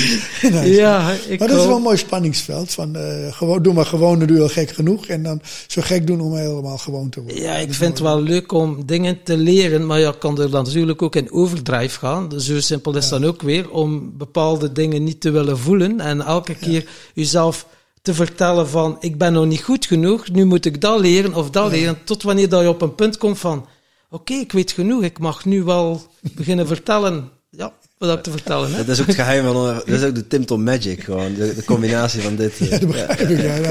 Ja, voor- ik, ik, ik ken jullie helemaal niet. Ik, bedoel, ik, ik, ben, ik, ben, ik ben weinig digitaal, dus ik volg helemaal geen podcasten zelf en zo. Dus ik kan er nooit van jullie gehoord. Maar ik begin, ik begin jullie dus nu pas een beetje te leren kennen.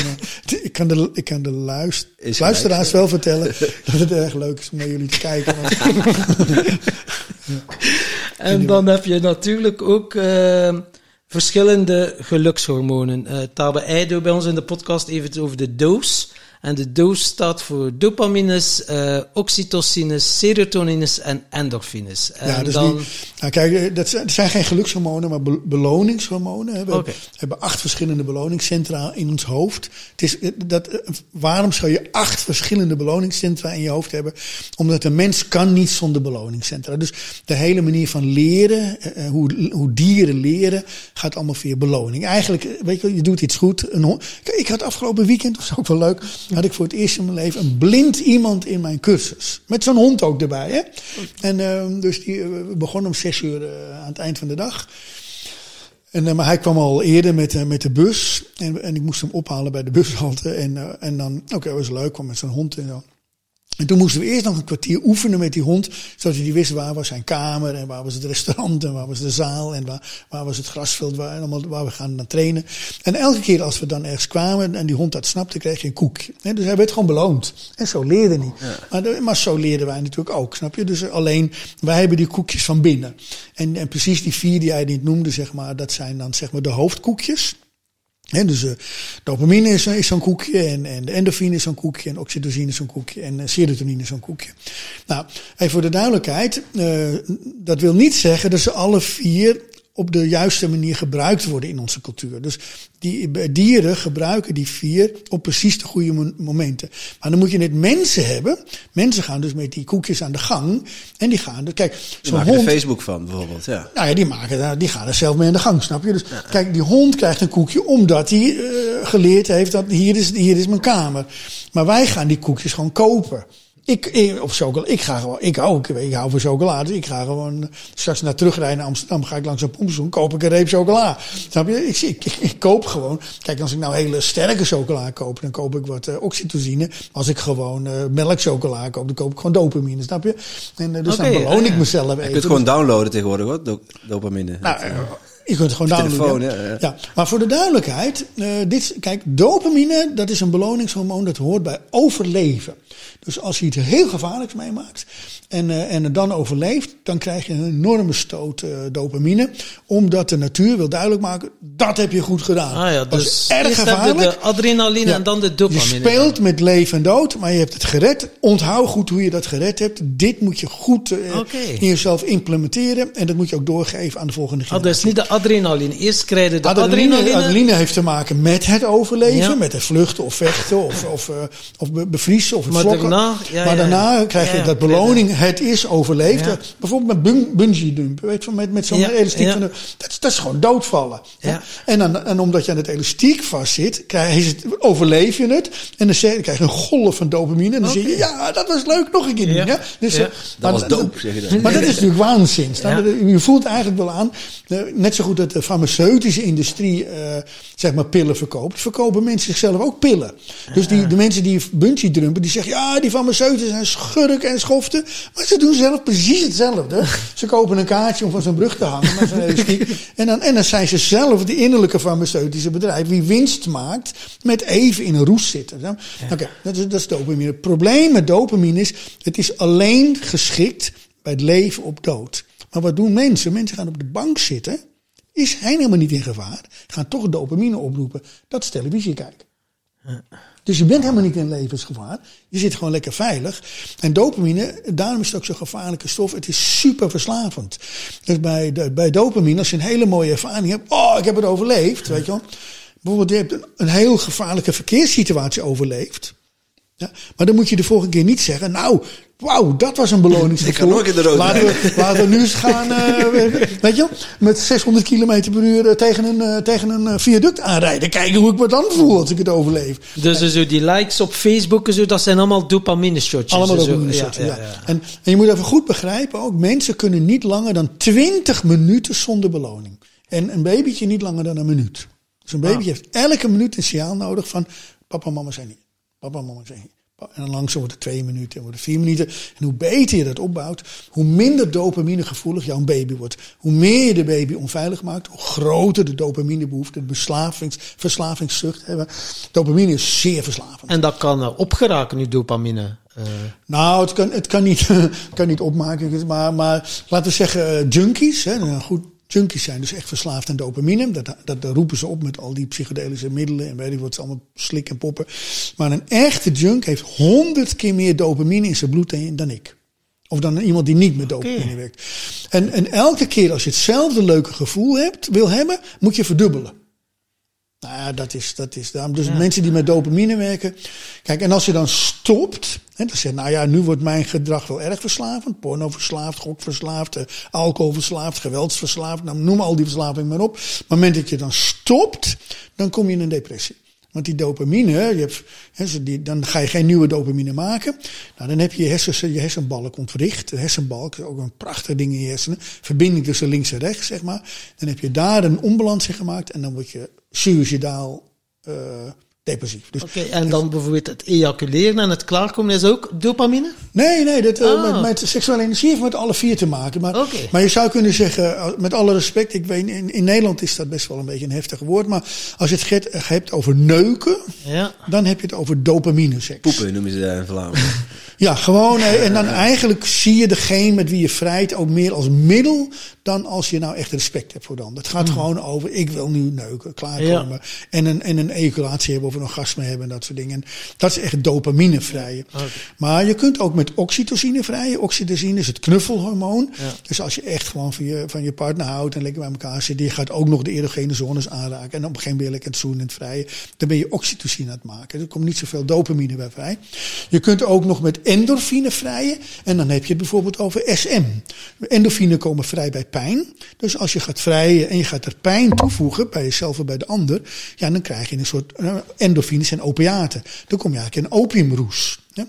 En eh, dat is ook interessant. Maar met dopamine vrijen, dat is gevaarlijk, want je kunt seksverslaafd of pornoverslaafd worden. En nadeel is, je hebt altijd een andere voor nodig. Je kunt dat niet in jezelf vinden. ja. Oxytocine is, het, een van, is minder gevaarlijke hormonen.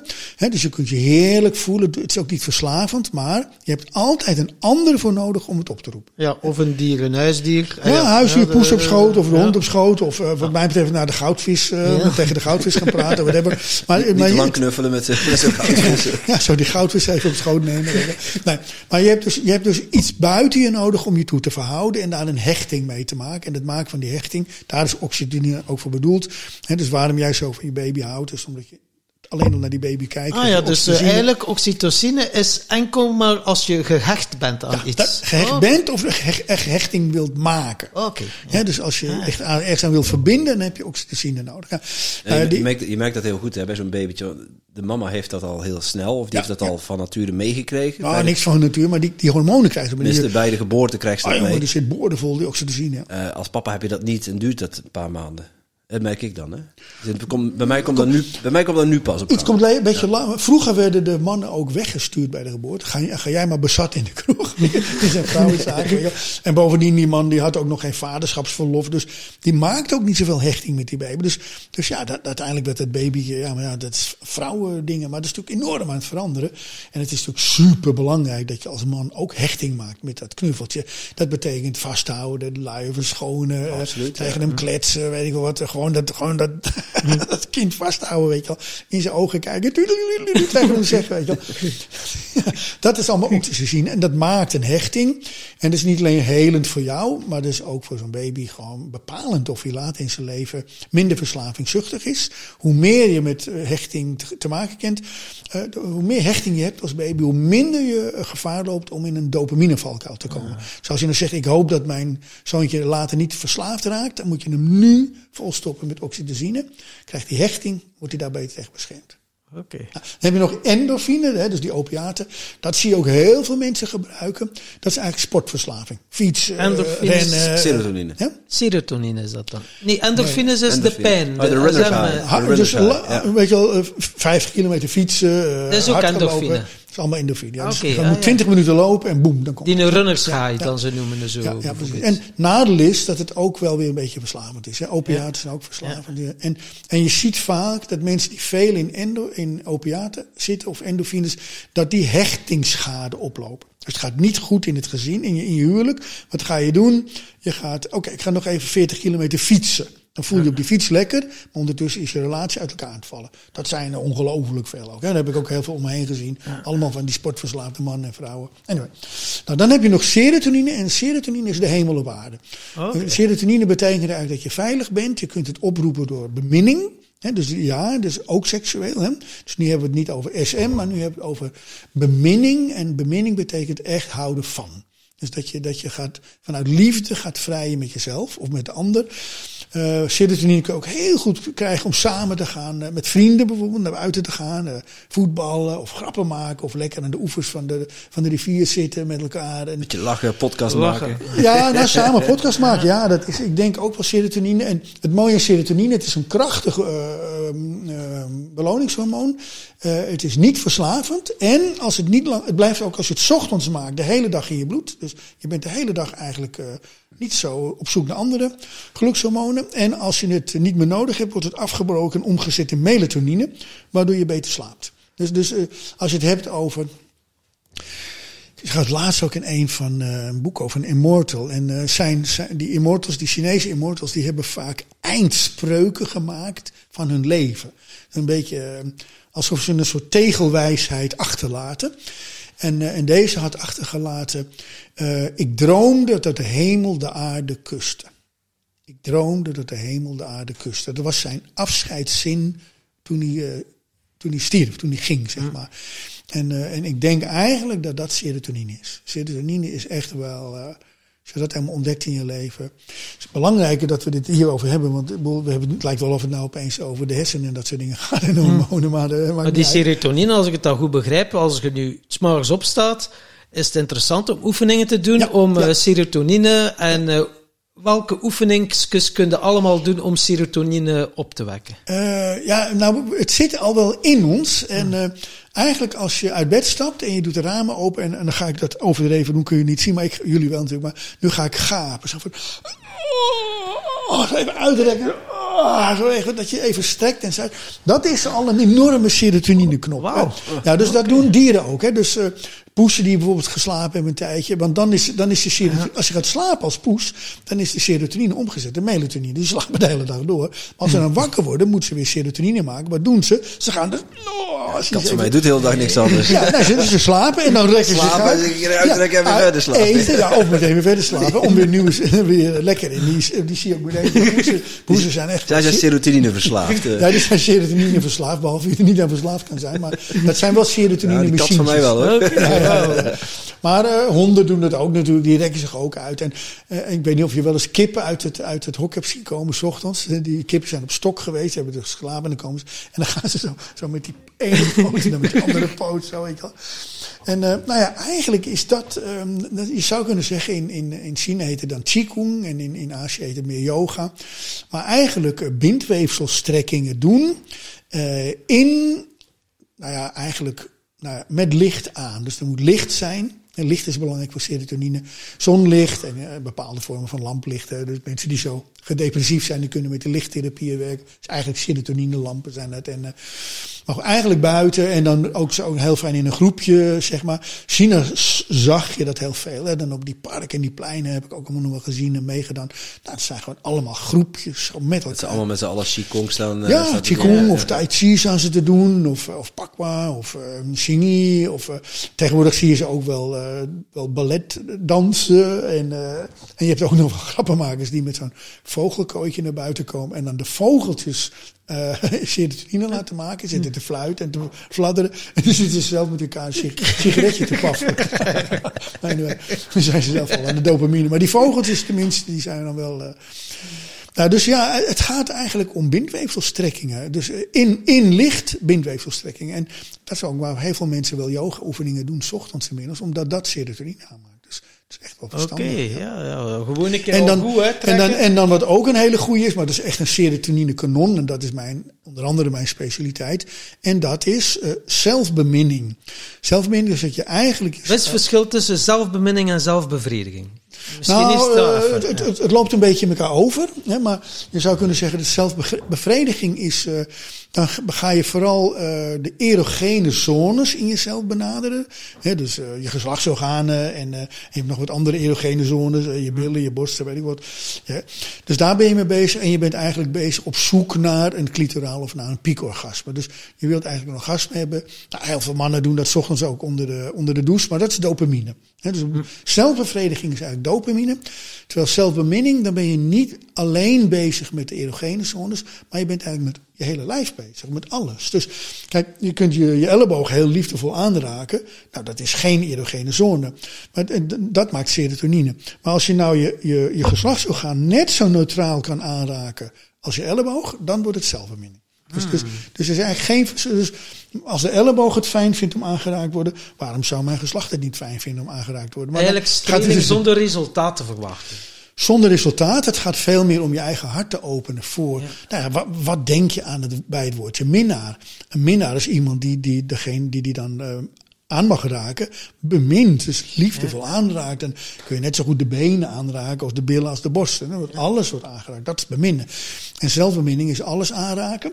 En omdat je dan ook de erogene zones aanraakt, maar ook je knieën of ook je dijbenen, whatever, ook je oren, whatever. Nou, dat kan ook gewoon geen onderscheid. En vanaf dat nee, maar, maar dan kunnen ze wel wakker worden. Dus, dus net zo goed dat de elleboog het fijn vindt om aangeraakt te worden, geeft een gevoel. Als je dan je geslacht aanraakt, op die manier, geeft ook een lekker gevoel. Dat vinden de cellen leuk, maar het werkt ook seksuele energie op. Dus daar, gaat het, daar zie je de overgang. Dus, dus zelfbevrediging of zelfbeminning raakt me wel, elkaar wel aan, maar je bent niet per se geïnteresseerd dus als in het overgaat naar uh, opwinding, dan komt in de dopamine sector. Nee, nee, nee dan, dan wordt het juist heel sterke serotonine. Oké. Ah, dus als je dus niet doelgericht met jezelf vrijt, dus niet uitbindt op dit even, weet je wel. Maar gewoon bezig met, nou, ik ga eventjes, uh, ik ga mezelf veilig verklaren. Ik blijf nog even in bed liggen. Ik ga niet meteen oprennen en naar de koffiemachine. Dopamine, ja. ja. Dus uh, ik, uh, ik ga blijf even hier. Of oh, niet meteen een croissantje met boter en suiker. Dopamine, ja. Ik blijf nog even in bed liggen. Ik doe mijn ogen nog even zacht. Ik vind het zachte gezicht. En ik open mijn hart even voor mijn dierbaren. En ik ga ademhaling naar de buik brengen. En, ik kom weer, en dan voel ik mijn eigen lijf. En dan ga ik dat zachtjes beminnen. Waarbij ik geen onderscheid maak tussen neutrale huid en erogene huid. En als er wat opleiding, komt, opleiding bij komt, dan geniet je ervan, ben je blij mee. En als je na tien minuten zegt van nou, denk je, nou, zo is het wel goed, weet je wel. Nou, dan doe je nog een paar uh, ademhalingsoefeningetjes erachteraan om de boel een beetje te laten stromen. En dan sta je op en dan ga je het werk. En dan loop je de hele dag in serotonine. Dus, uh, is echt, maar kijk, dopamine is meer extaseachtig, weet je wel. Terwijl serotonine, de, de, de, de dopamine mensen vinden serotonine saai. Want ze, ze hebben meer nodig, snap je? Ja. Maar de serotonine mensen, die vinden dopamine mensen hysterisch en verslaafd. Mm. En bij dopamine krijg je heftige, heftige impulsen, beloningen, omdat je zogenaamd net iets overleefd hebt, wat helemaal niet waar is, maar dat kun je dus nabootsen. Terwijl bij serotonine zit je eigenlijk meer in de leeffase. Dus dopamine gaat over overleven, wat supergoed is als het echt gevaarlijk was. En serotonine gaat eigenlijk over zeer hoge kwaliteit van leven. Ik leef. Dat is serotonine. Ik overleef is dopamine. Ik doe nu bijvoorbeeld als ik opsta, dat is gewoon, ik stop. Ik doe de Wim Hof ademhaling. Wat roep ik dan op en zo? En dan mijn adem, ja, een minuut of drie inhouden en dan zo'n rondje of drie. Is dat dan ook een soort serotonine of zijn dat verschillende... Nou, Wim, Wim zit een beetje... Wim is een vakier, zoals het heet. Ik ben een tovenaar. Okay. Wim is een vakier. Dus uh, ik ben een magier. Uh, een magier in opleiding. En, en, en Wim is een vakier in opleiding. Maar vakiers die, uh, die werken eigenlijk op een andere manier. die gaan op spijkerbedden slapen. En die gaan degens doorslikken. die gaan, weet je wel, en die gaan, bij, die gaan zichzelf zonder zuurstof 24 uur in een kist begraven. En, of die gaan in ijsbaden liggen. Of die gaan de, de woestijn van Namibië oversteken. En uh, dus Wim is echt een moderne vakier. Hè. Dus, dat, en, en kijk, het mooie van de vakier is dat ze uh, met name heel erg goed zijn in het immuunsysteem. Ze zijn dus bepaald, het gaat dus niet over de beloningshormonen waar zij mee bezig zijn. Maar zij zijn echt bezig om, uh, om een ongelooflijk herstellend vermogen te activeren. Ze, ze kunnen gewoon een mes door een wang steken, het mes die weer uit en dan heelt de wond weer. Dan weer de, de, de echte vaakjes kunnen dat. Ze snijden, mes eruit en vijf minuten later is het alsof er nooit gesneden is, het weer weg. dus ze kunnen een onvoorstelbaar helend vermogen uh, aanzetten. En dat heeft Wim ook. Wim heeft ook, is ook echt wel een beetje wetenschappelijk nu een beetje onderbouwd. Zijn technieken, die zijn echt krank, zijn een soort activering van het immuunsysteem. Maar het rare met die vaakjes is, omdat ze zo enorm op dat uh, immuunsysteem gaan uh, vertrouwen, worden ze minder voorzichtig met het lichaam. Dus ze gaan eigenlijk best wel. Dat, dat snijden in je wang is natuurlijk ook eigenlijk beschadiging. Alleen omdat ze het hele, denken ze, nou, big deal. Ze gaan op zijn spijkerbed liggen. In het begin denk je, nou, dat gaat uiteindelijk allemaal wonden opleveren. Maar dat, dat genezend vermogen komt op gang. Geeft een prachtige energetische steking. En uiteindelijk kunnen ze daar gewoon op liggen. Of over vuur lopen, of over glasscherven lopen. Dat zijn allemaal vaak technieken. En bij Wim zie je dat ook. Wim heeft dus best wel een beetje zelfdestructieve manier van leven. Ehm, terwijl die dat ook de hele tijd weer geneest. Dus het, het, is een beetje dweilen met de kraan open. Ik ben wel jaloers op zijn helend vermogen, maar ik ben niet jaloers op zijn um, zelfbeschadigend gedrag. Dus bij wat ik doe is eigenlijk, ik wil eigenlijk mezelf niet beschadigen. Maar ik ben ook geïnteresseerd in dat hele, want ik heb natuurlijk wel zelfbeschadiging opgelopen in het verleden. Dus terwijl, kijk, zigeuners die zijn nog weer anders. Zigeuners die kijken aan het eind van hun leven, kijk, hier is een kogel doorheen gegaan en daar heb ik uh, een messteken en daar litteken en daar ben ik achterna geschieten. Piraten, ja, ja, ja. heb een steen op mijn achterhoofd gekregen en, en toen ben ik met de vrouw van mijn, van mijn beste vriend naar bed gegaan. Die heeft me ook nog een paar blauwe ogen opgeleverd. ik heb geleefd, weet je wel. Dus die tellen hun littekens, zeggen nou, weet je ik heb geleefd en dan vallen ze dood neer. Maar bij een interne alchemist is eigenlijk andersom. Die, die zegt, ik heb heel veel littekens opgelopen in mijn leven. Maar vlak dat ze een moment van zelfgekozen dood zoeken, dan kijken ze naar een littekenweefsel.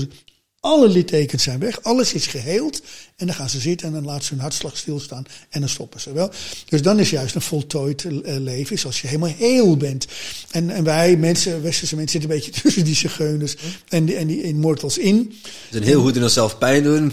En dan ja, ja, ja, dat, maar niet dat, goed in dus, onszelf ja, helen. Ja, ja, ja, en dus maar, uh, maar goed, ik ben dus echt wel bezig met zo heel mogelijk aan de streep te komen. En Wim is meer, die vertelt ons gewoon, Jezus, maak je nou niet zo'n big deal van. We kunnen veel meer genezen dan we denken. Maar dan moet je een beetje openstellen voor het innerlijk landschap. Hè. Dus Wim zit ook in het innerlijk landschap. De vaakjes zitten daar en de, de monniken en de nonnen zitten daar en de, en de magiërs zitten daar. Alleen de westerse mensen niet.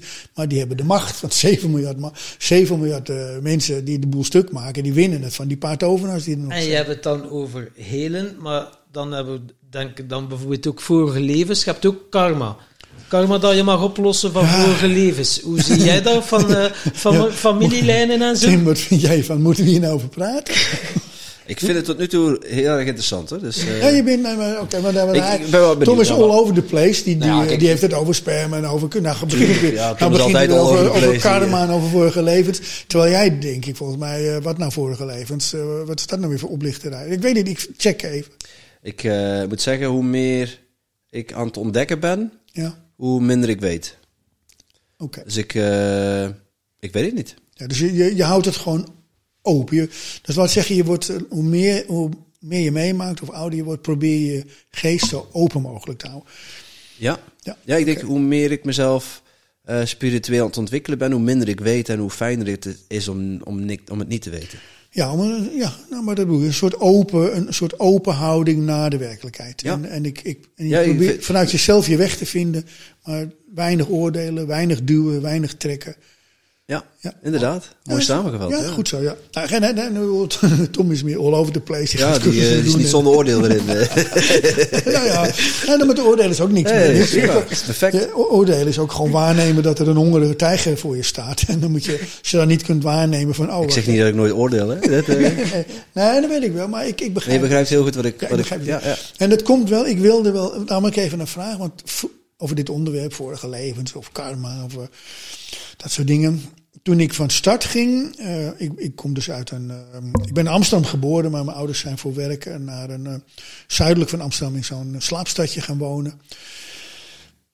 En mijn ouders waren ook ehm atheïstisch, hè, dus ze gingen niet naar de kerk, zeg maar. Dus ik kwam ook niet in kerken. En dat was echt wel, het was een beetje humanistisch bij ons, zeg maar.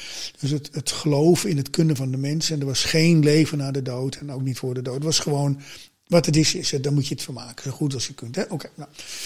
Zo ben ik een beetje opgegroeid. Dus toen ik, ehm, ook toen ik op mijn vijftiende besloot om tovenaar te worden, ging ik ervan uit dat er geen vorige levens waren of reïncarnatie van allemaal onzin. Ik denk dat ik pas 30 of 35, zo in die fase begon ik langzaam maar zeker te ontdekken hoe dat innerlijk landschap in elkaar zit en, en hoe levenskracht, hè, wat je nodig hebt om te manifesteren, hoe, hoe dat in elkaar zit en hoe ons bewustzijn in elkaar zit en hoe onze spirituele energie in elkaar zit, hoe het allemaal samenhangt. En heb ik ook mannen en vrouwen ontmoet die, die echt wel ook heel aannemelijk maakte hoe het allemaal in elkaar zat. En ik ben het zelf gaan trainen. En ik ben nu helemaal om, zeg maar. Dus ik ben nu echt volledig van overtuigd dat ons bewustzijn vele levens meemaakt. Dat ons bewustzijn ook na de dood nog weer um, niet ophoudt te bestaan. En dat nog allerlei dingen gebeuren. En dat heeft onder andere te maken met onze spirituele vermogens. Dus als je veel spirituele energie weet te maken, dan wordt je vermogen om te sturen met je bewustzijn naar volgende levens of terug in eerdere, eerdere levens, dat gaat toenemen. Dus een magier kan daar ook nog in reizen. Ook. Zover ben ik nog lang niet, maar ik heb echt wel mannen en vrouwen ontmoet die echt daar indrukwekkend in zijn. Ik ben ook wel begeleid door een paar mannen en vrouwen daarin. Nou, dat is echt ontstellend. Uh, dus ik, ik ben nu ervan overtuigd dat er inderdaad uh, vorige en uh, ik, ik heb toekomstige levens bestaan. Met mijn bewustzijn. Niet, ja. Dit lijf gaat stoppen op een gegeven moment. Juist, ja, ja. Het, het, het, leven is, tenminste, je, je vleeselijke lichaam is eindig. Ja. maar uiteindelijk zijn we allemaal energie. En energie is in mijn ogen oneindig.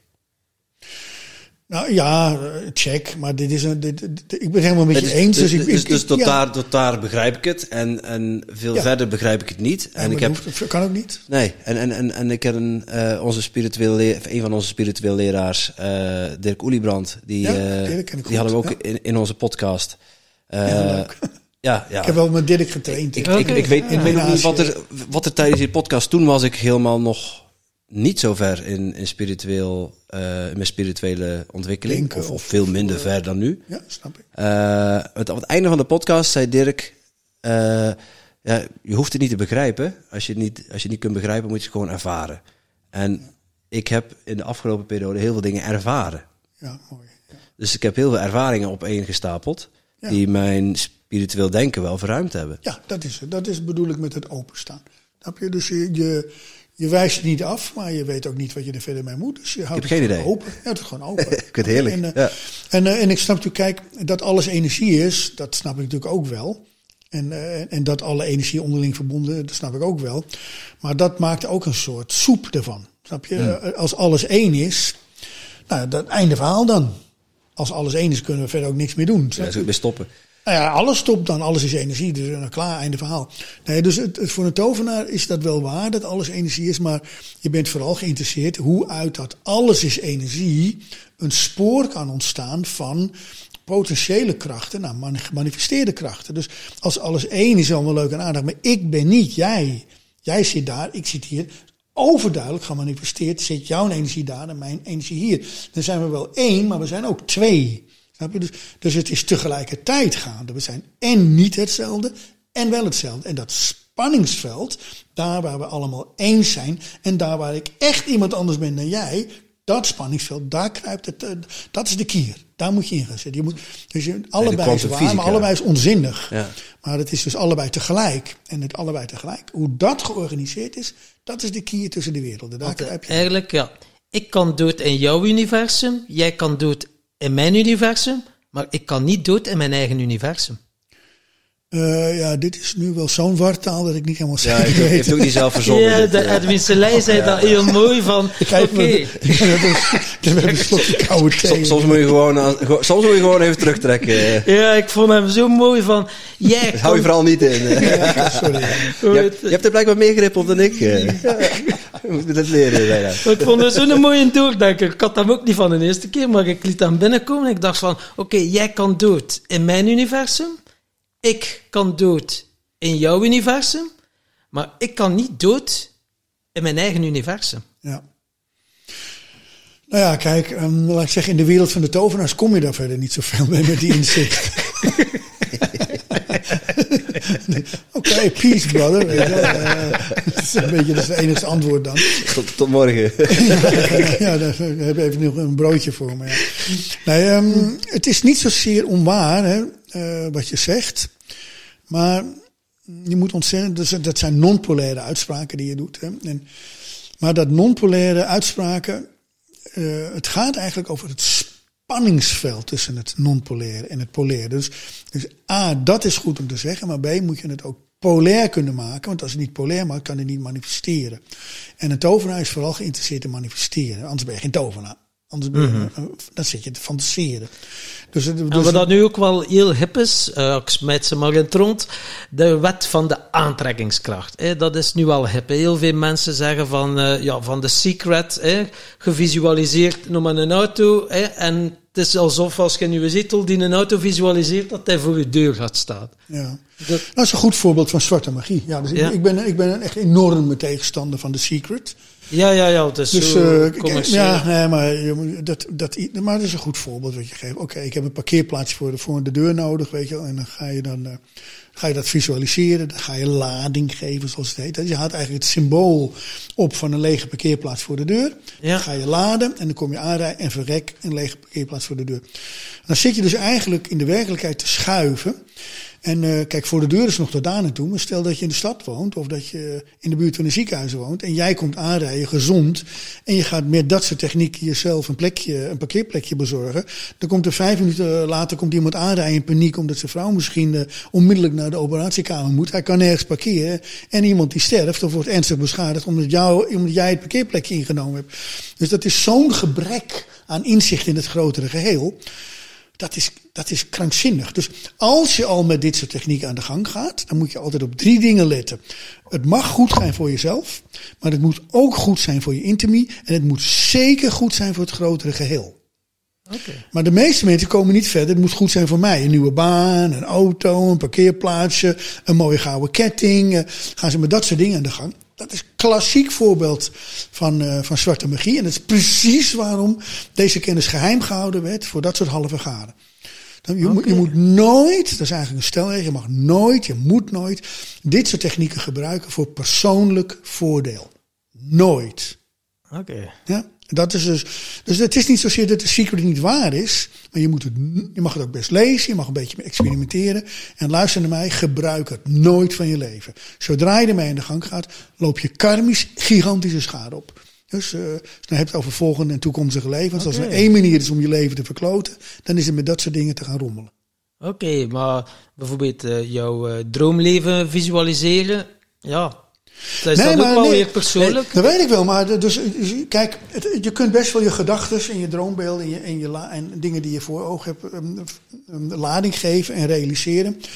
Maar voordat je met zo, dat soort dingen begint, moet je heel weldenkend de drie, zijn. eh, de drie dingen is het goed voor mij, voor mijn intimi, Ja, intimity en het goed voor, de, voor, de, voor het grote geheel. ja, Ja. Dus ja, ik wil rijk worden. Ja, dat hebben we allemaal bedacht in de kapitalistische wereld. Oh, als ik rijk word en jij wordt rijk en jij wordt rijk, dan worden andere mensen heel erg arm. Snap je? Dus je moet niet denken, ik moet, ik, ik, ik moet voldoende hebben. Ik, ik mag voldoende om mijn veiligheid en mijn voeding. En om mijn de intimie om me heen, mijn babytje te voeden en te beschermen. Ik mag ook echt wel een beetje meer hebben om ook mijn inspirerend vermogen in de wereld te brengen. Maar meer dan dat is diefstal. Maar Van ergens- anderen. Ergens van dromen en, en die droom naleven is toch niet per se schadelijk. Dat, nou, luister naar wat je zegt, Tim. Dat is echt een goed voorbeeld van gebrek en weldenkendheid. Oké, ik ben een pedofiel en ik droom van het beschadigen van kleine jongetjes. En dan zeg jij, wat een goed idee, je droom naleven. Ja, ja er zitten grenzen Dus je aan. moet, je Ja. moet dus weten, je moet om te beginnen een gezonde droom hebben. Dus je moet niet zeggen van ik ga mijn dromen realiseren.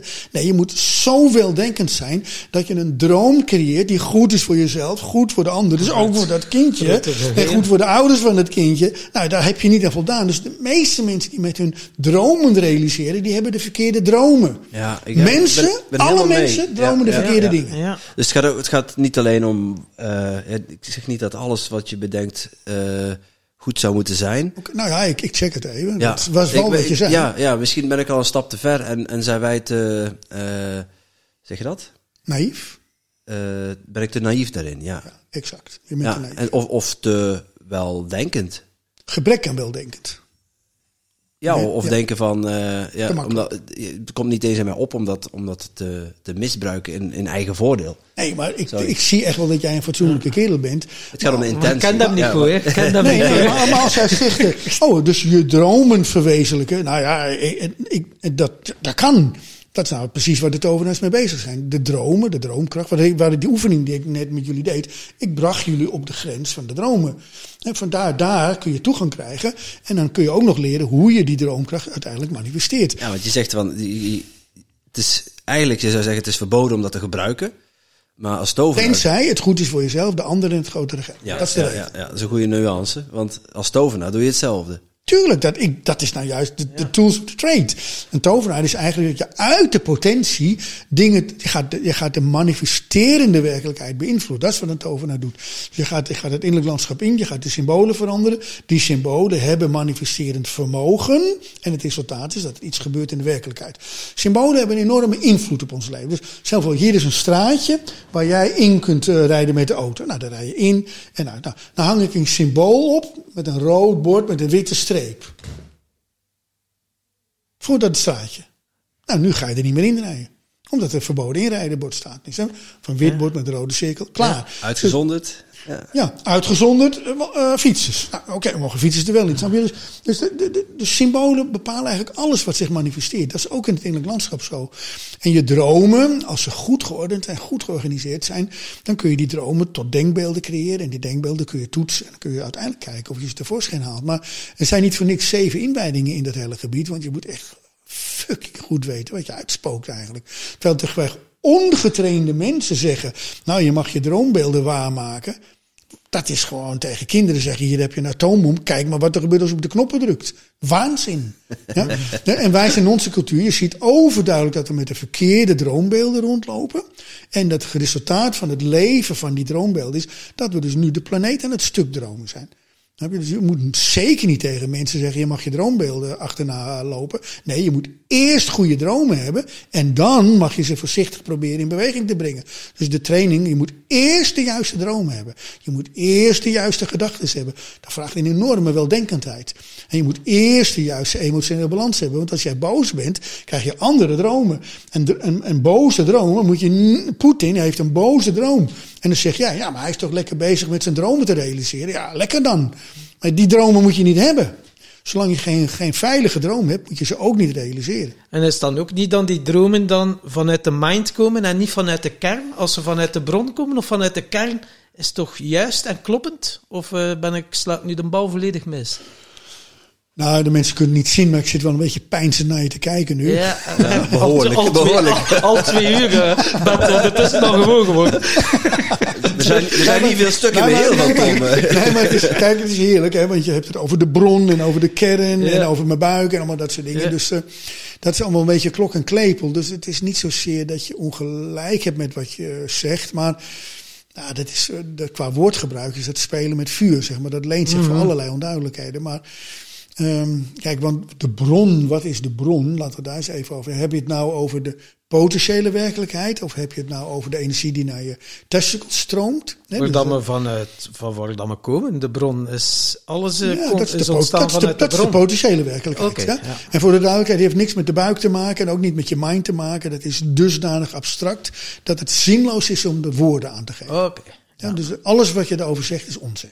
Ja. Dus eh, je kunt het wel woorden geven, maar dan krijg je eigenlijk iets dat je gaat praten met elkaar over iets wat je geen woorden kan geven. En alles wat je erover zegt is eigenlijk. Ja, wel, je hebt wel woorden nodig, want bijvoorbeeld als jij de mensen nu aan het opleren bent online en je zou niks niet zeggen, het zou ook, eh, ja, het zou ook Nee, maar ik zeg niks, ik zeg niks over de bron. Of, of- Nee, nee, nee, nee, maar ik wil wel zeggen, we hebben wel Nee. woorden nodig om iets ja, te, te maar, begrijpen. maar met andere woorden, je moet, je moet in kaart brengen. Wat is nou precies het spoor tussen de potentiële wereld waar Ja, je ja, niks zeker. over kunt zeggen. En de gemanifesteerde wereld waar je alles over kunt zeggen. Ja. Ja, want dat, dat, dat is gemanifesteerd. Kunnen we heel goed over praten. Kunnen we meten en weten. Allemaal, weet je, dat is nou juist lekker eh, concreet. Terwijl die potentiële wereld is, alles is één. Ja. Whatever. De bron, het grote, de, God, noem het maar op. De hele onzin. Nee, dus niemand weet waar we het over hebben. Maar gemanifesteerde dingen kun je het over hebben. Nou, wat manifesteren we als mensheid? We zijn onze planeet aan het stuk maken. Dat is het concrete gegeven. Dus dat is wat we momenteel doen met ons vermogen. Ja. En dat doen we met, ondanks het feit dat we allemaal verlichtingsmeesters hebben en dat we kerken hebben en de paus loopt rond en iedereen is maar bezig met spiritueel en enzovoort. En het resultaat is erbarmelijk. Check? Ja. Zeker. Oké, check. Nou, oké. Met andere woorden, dat wordt volledig onderschat hoe zorgvuldig je die route moet onderkennen. En als je dus echt naar van naar potentie naar manifestatie wilt, nogmaals, dan moet je het gebied in waar levenskracht gemaakt wordt. Dat is de eerste opdracht die je krijgt. Dan moet je het gebied in waar bewustzijn gemaakt wordt. Daar moet je het eigen maken. Dan moet je het gebied in waar spirituele energie gemaakt wordt. En als je dat hebt, kun je langzaam maar zeker in het onbenoembare leren bewegen. Ja, maar als jij dus gewoon van, met manifestatie meteen naar ik ben spiritueel bezig. En nog even in de tantra cursussen wat, eh, wat schade ophaalt. En dan nog onder de mom van nou we zijn lekker bezig. En ik ga ook nog iemand hypnotiseren en een parkeerplaats voor de deur verzinnen. Dat is gewoon waanzin. Eh, Deepak Chopra zou zeggen het veld van de pure potentialiteit. Kijk, het mooie van Dieprak is dat hij heeft echt de gave van het woord. Dus ik ben een fan van zijn boeken en zijn verhalen. Als mens is hij ook echt mens, hè? moet je niet helemaal eh, beschouwen. Maar ja, eh, Dieprak probeert het echt het woordloze woord te geven. Komt natuurlijk ook uit de, de Indiase cultuur. Hè? Hij komt uit die verlichtings- en die vipassana technieken. Moet ik wel even bijzeggen, hè? want ik ben, ik ben sceptisch op een heleboel verlichtingstechnieken. Als je bijvoorbeeld naar India kijkt, dat is het land ter wereld waar de meeste verlichte meesters ooit zijn voortgekomen, nog steeds rondlopen. Het is, als je het hebt over kinderprostitutie, het grootste nachtmerrieland ter wereld. Dus dat is allemaal leuk en aardig, die verlichte meesters. Maar een gerealiseerde meester, dat is wat anders dan een verlichte meester, die zegt, die vindt alleen maar betekenis in hoe maak ik een einde aan kinderprostitutie. Terwijl een verlichte meester heeft over het ontsnappen aan het karmische wiel. Dan is hij alleen nog met zichzelf bezig. Ze hebben het altijd, je moet, het ego moet weg. Maar verlichte mensen zijn vaak de meest egoïstische mensen die er zijn. Je hoeft maar één ding in je leven te doen. Één meisje uit de kinderprostitutie halen. En dan is je hele leven al de moeite waard geweest. Want ja, in het woordje guru zit ook ego. Ja, zo simpel is het dan ook weer. Ja, goede, goede betekent, ja, goeders hebben het veel over ego. Maar goede betekent eigenlijk net als sensei of sifu. Betekent eigenlijk gewoon meester, schoolmeester, juf, juffrouw eh, voor de klas. En nu dat we toch mee namen aan het goochelen zijn, de eh, David Deida. Toveren, we zijn het David namen aan het Deida, de, toveren. de kracht van echte mannen. En, Ik doe even een telefoontje, want eh, Ja. dan kijk ik of ik eh, iets kan regelen voor, eh, voor mijn zoon op te halen. Oké. Oh, jij moet, eh, je moet oh, oh oké, ja. ja. Dus eh, zijn boek eh, De kracht van echte mannen en de eh, seks als weg naar God. Ik ben er nu in bezig. Ik moet zeggen, ik vind het inspirerend. Ja, En, eh, ik, ik van David Daida heb, heb ik ook aantal. eh, ik weet niet of ik, nou, ik ben niet, ik kan me niet onthouden welke titel, maar ik heb David Daida ook echt wel. Ik vind hem zeker een inspire- inspirerende man. Ehm, het probleem is een beetje dat ik niet zo voor mannenbewegingen ben. Ik ben voor vrouwenbewegingen. Wat? Ik vind eigenlijk dat we niet. We, hebben nou, eh, weet je hoeveel duizenden jaren de mannen aan het, aan het roer.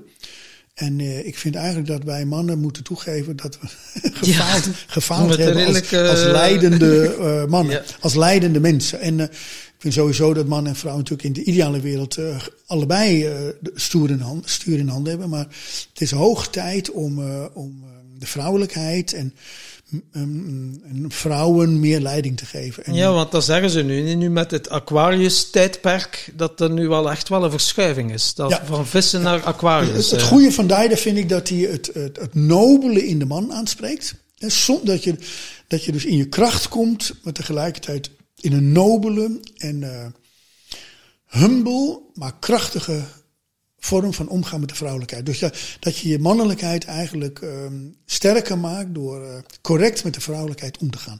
Beschermend en ondersteunend en dienend, eh, maar vanuit mannelijke kracht. Dus Daida vind ik daarin heel interessant. Hij verandert onze manier van denken over wat je als man doet. Want Ja. wat wij eigenlijk doen, weet je wel, een beetje aftrekken terwijl we naar blote meisjes zitten te kijken. Dat is natuurlijk niet in je kracht staan. Dat is gewoon, dat is gewoon een verslaafde halve gade die dat doet, weet je wel. Laat die fucking meisjes met rust, weet je wel. Dat zijn gewoon meisjes die ook eh, geld verdienen of, weet of gedwongen worden tot die toestanden. Dat is onveilig. Dat is eigenlijk mens en man onwaardig. Hè, dus probeer nou gewoon je seksualiteit veilig en stromen te krijgen. Zonder dat je afhankelijk bent van het beschadigen van jonge vrouwen. Zo simpel is het. En Daida heeft, die, die geeft aan hoe je die mannelijke kracht, dat nobele in jezelf kunt vinden. Dat vind ik heel sterk aan zijn Want boeken. hij zegt het gewoon, ga je diepste verlangen, ga dat in de wereld gaan zetten. Ja, maar verlangen is even duidelijk wat anders dan verleiding. Er zijn hele mensen, een heleboel mensen die, die duiden dat ga nou je diepste verleiding. He, dus datgene wat jou verleidt, ga dat nou leven. Terwijl hij gebruikt het woord verlangen. He, dus weer hetzelfde probleem als Tim net. Hij zei, nou, je moet gewoon doen je dromen realiseren. Maar wat doe je dan met iemand die droomt over misbruik van een klein jongetje? Ja. Dan, want zegt Daida tegen de mannen: ga maar gewoon als je fantaseert over jongetjes of over meisjes verkrachten. Ga dat vooral doen. Zegt Daida dat? Nee, nee, nee. Nee. Dus je moet opletten wat, hoe je dat duidt. Want een heleboel mannen kunnen dat dus. Hij heeft het over verlangen. Verlangen of. Uh, en verlangen je, is het tegenovergestelde van verleiding. Zouden we dan ook verlangen het synoniem van zielsmissie? Ja, verlangen zou je kunnen zien als het uh, van hoe word je een hele man. En je wordt niet een hele man als je anderen stuk maakt. Snap je? Als je anderen stuk maakt, als je vrouwen beschadigt, als je kinderen beschadigt, als je, whatever, als je, als je anderen beschadigt, dat beschadigt jou ook. Elke dader is ook een slachtoffer. Ja. Waarbij ik niet rechtvaardig dat we allemaal slachtoffers zijn en dat we de echte slachtoffers niet moeten respecteren en moeten een kans geven om te helen. Maar als je niet jezelf heelt, ben je een beschadiger. En dus het verlangen gaat over, en dat is ook weer die drie win-win-win. Hoe word je nou zelfkrachtig zonder dat het een nadeel is van de ander? Dus jouw kracht moet ook de ander krachtig maken en moet ook het grotere geheel bekrachtigen. Dan klopt het. Ja, want bijvoorbeeld, en, uh, ik was vroeger uh, redelijk codependency in relaties. Ik was een halve cirkel, dus ik vulde mijn leegtes op uh, door iemand anders. Ja, en nu heb ik echt wel geleerd, zorg eerst dat je zelf een volledige cirkel bent. Ja. En dan ga je misschien ook, dan ga je ook wel andere volledige cirkels aantrekken. Nou, nou, nu, nu zeg je iets wat ik 100% onderschrijf. Kijk eens aan, dat twee uur en acht minuten. ja, ja, Ik heb nu, heb nu een paar pogingen gedaan om iets te zeggen. Ik ben blij. maar nu, nu heb je raakgeschoten. Ja, dit wat je nu zegt klopt helemaal. Daar ben ik het 100% mee eens. Ja, en dat is zo, ja, eerst dat je die realisatie hebt, dat het al allemaal in jou zit, die heelheid in jezelf gaan ervaren, Ja. daar ligt de kracht. En ik merk ook dat je andere mensen nodig hebben die gaan dingen triggeren in jou. Oké, luister voordat je gaat, te veel gaat kletsen. Ja? Dus, um, oké. Als je heel bent, ben je dan vol of ben je dan leeg? Dan ben je leeg. Als je heel bent, ben je dan vol of ben je dan leeg? Leeg. Waarom zeg je leeg? Ik zou vol zeggen, maar vind ik leuk. Ja, ik voel dat het leeg is. Niks. Ja, alles is niks. Maar iemand die leeg is, wil die dat vullen met de ander? Of als je vol bent, Maar wil je die dan... is, die is opgegaan in het grotere geheel als je leeg bent. Ik snap de omkering al. Heerlijk, ja. Oké, ik bedoel het eigenlijk anders, maar je hebt wel gelijk. Dus je, de- je kunt opgaan in het grotere geheel. Maar doe je dat vanuit volheid of vanuit leegheid? Oké, ja. ja. Oké. Ja, maar, maar dat is niet erg. Hè? We- dit, Ja, dit hoort er ook bij. meer woorden en inderdaad... Ja, maar dit hoort erbij. We- Dus, Ja, dus dit heet ook true conversations. Dus je, je moet ook proberen de, de bedoeling van ja, wat jij zegt en de bedoeling wat ik zeg. Soms kunnen het qua woorden oneens zijn, maar met de bedoeling eens zijn. Ja, ja. En een true conversation gaat eigenlijk over eh, dat je met beide, met zachte ogen, probeert elkaar te vinden. Dat zijn we echt wel aan het doen hoor, want we Ja. zijn echt wel lekker eh, met elkaar aan de gang hier, zeg maar. Dus, eh, nee, dus ik ben het met je eens dat iemand die echt vol is, ervaart een soort leegheid. Hè, de, omdat, er, omdat er niks meer bij hoeft Mhm. en daardoor wordt het leeg.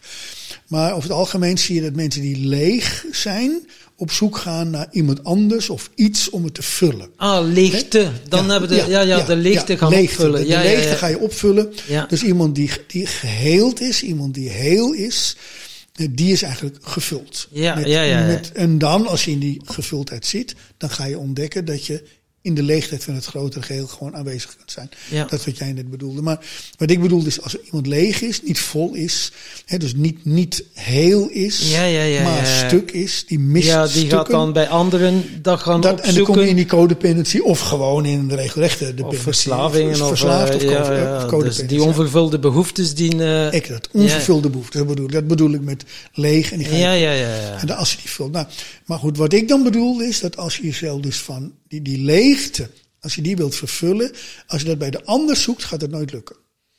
Maar waar, dan moet je het bij jezelf zoeken. Maar dan ziet iedereen waar dan, en dat kan ik, kom je weer bij- terug bij het begin van het gesprek, dan kom je uit bij je testicles. Dus als je die energie uit je testicles leert, eh, be- leert bewegen, dat gaat best wel via, er zijn opwindingstechnieken voor, er zijn ook andere technieken voor. Een monnik kan dat zonder opwinding of een non. Maar goed, je kunt het ook met, met lichte opwinding trainen en ook met, met meer opwinding trouwens. Maar anyway, Je kunt het uit die testicles krijgen, opwinding. En vervolgens kun je het leren sturen, verzamelen, sturen, bewegen, schoonmaken. En dan omhoog brengen. Komt het Dan is het toch wel langs de ruggengraat, hè? als ik het goed begrijp. De, wervelkolom, de gevorderde ja. Ja, dan uh, mens. Of ruggengraat, dat is uiterlijk landschap. Hè? Dus dan zit je in het lijf. Maar je moet net ietsjes het droomlandschap in. En dan kom je in de meridianen, waar de Chinezen het over hebben. Dus dat is, dat is waar onze wetenschap mee worstelt. Want als die ons openmaken, vinden ze de meridianen niet. Dan gaan ze schreeuwen dat het onzin is. Maar de meridianen zijn gewoon één stapje het innerlijk landschap in. Daar zitten die kanalen en dus die, die, uh, dat, dat medicijn maken en hoe die technieken werken. En dan maak je gebruik van die energetische kanalen. Oké, okay, ja. En dan nu dat we toch zo energetisch bezig zijn, we gaan het er dan ook bij zijn. Dan heb je ook nog de chakras. Wat is, wat, hoe zie jij dat, chakras? Dat zijn chakras horen bij de, de, de, de, twee. Dus je hebt, je hebt gemanifesteerde werkelijkheid, dat is een werkelijkheid. Dan heb je de levenskracht werkelijkheid. Dat is de, ja lekker, ja, ja. Dat is de werkelijkheid van, van warm en koud zijn. Als je warm bent, leef. Als je koud bent, ben je dood. Dus, dus dat ja. daar hebben de chakras nog niks mee te maken. Maar als je dan naar de volgende fase gaat, de fase van het bewustzijn, dan kom je bij de organisatie van de chakras. Dus ons bewustzijn bestaat uit vijf elementen die georganiseerd zijn op zeven niveaus. Het gaat om 65, 35 zielsniveaus die je nog weer kunnen verdubbelen. En dan heb je het over ons bewustzijn. Dus ons bewustzijn bestaat eigenlijk uit 72 verschillende, 72 verschillende basisaspecten. Dus wij denken dat ons bewustzijn bewustzijn. Lala, daar is mijn bewustzijn. Maar dat bewustzijn is dus één grote chaos van 72 met elkaar in de harrewarrende gebieden. Sommige zijn helemaal leeg, sommige zijn overactief. En uh, dus die zeven, die vijf keer zeven, die zeven zijn de zeven chakras. Oké. Maar dus al die chakras, chakras zijn eigenlijk een onderdeeltje van ons bewustzijn, een onderdeeltje van onze ziel. Mm -hmm. de ziel is het geheel en uh, dat bestaat uit een samengang tussen de vijf elementen, wordt het vaak genoemd. Dat zijn de vijf zielsaspecten. Het zoeken naar een veilig plekje, het spelende wijze met de werkelijkheid leren omgaan, je passie leren vinden, leren inzien als mens wanneer genoeg genoeg is, het zoeken naar balans en uiteindelijk zingeving ontdekken in het laten ontstaan van schoonheid. Dat zijn de vijf grote menselijke drijfveren en die zijn dan verdeeld over zeven chakra's en dan kun je uiteindelijk dus van, van een heel weinig bewust wezen naar volledig meesterschap gaan in bewustzijn. En uh, dat, dan hebben we het allemaal over de chakra's. En als je dan nog verder gaat, als je dan de spirituele wereld ingaat, dan kom je bij de diamantlichamen. Dat is weer, daar hebben de chakras weer niks mee te maken. Dus dan zit je weer een heel andere manier van organisatie. Wow. De, die, die vijf elementen, ja. uh, je zegt dan, waarom zijn zeven chakras vijf elementen? Ik vind het wel uh, interessant om ze even te overlopen. Sorry? Hè? Om, om, die vijf elementen, om, ja? om, ze, om ze kort even te overlopen. Van, uh, op wat voor manier kun je, daar, kun je daar invulling aan geven? Ja, dat is interessant. Kijk, dus even voor de duidelijkheid, die, ja, kijk, want, want uh, Tom begint lekker over de chakra's en dan zitten we daar weer, de vorige levens enzovoort. Maar hij heeft niet ongelijk, het bestaat. Het is een innerlijk landschap, dus zo zit je diep in de droom. Alle mensen die helderziend zijn en daar naartoe kunnen, die kunnen het chakras ook zien. En die kunnen het aura wat ermee samenhangt ook zien.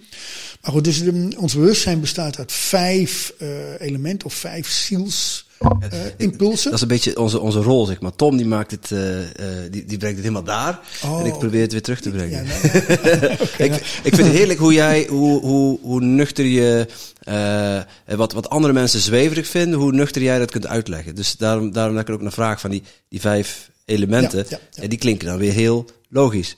Die zijn ook logisch, want kijk maar even naar hoe een dag zich voor. Uh, hoe, voor iedereen. Hè? Dus dit, zijn fun, dit zijn natuurwetten eigenlijk. Hè? Dus dit is fundamenteel voor iedereen. Chakras klinken ook heel logisch. Nee, voor, voor chakras is, mensen. hoort ook bij de natuurwetten, maar dan moet je al heel diep in het innerlijk landschap zitten. En je moet goed weten waar je mee bezig bent. En een heleboel mensen zijn met die chakras bezig, terwijl ze, weet ik wel, kussensje chakra lezen gedaan hebben. Maar dat, dat, dat is meer. Uh, meer uh, weet ik wel, stof doen opwaaien in de pot dan een helder water creëren, snap je? Maar, maar oké, okay. kijk gewoon, alles is cyclisch. Hè? Dus uh, je hebt de nacht, de ochtend, de middag, de namiddag, de avond. Hè? Dat was een dag, klaar. Je hebt dus eendagsvliegers, die, dat, die, die bleven in één dag op die manier de werkelijkheid. Ja. Snap je?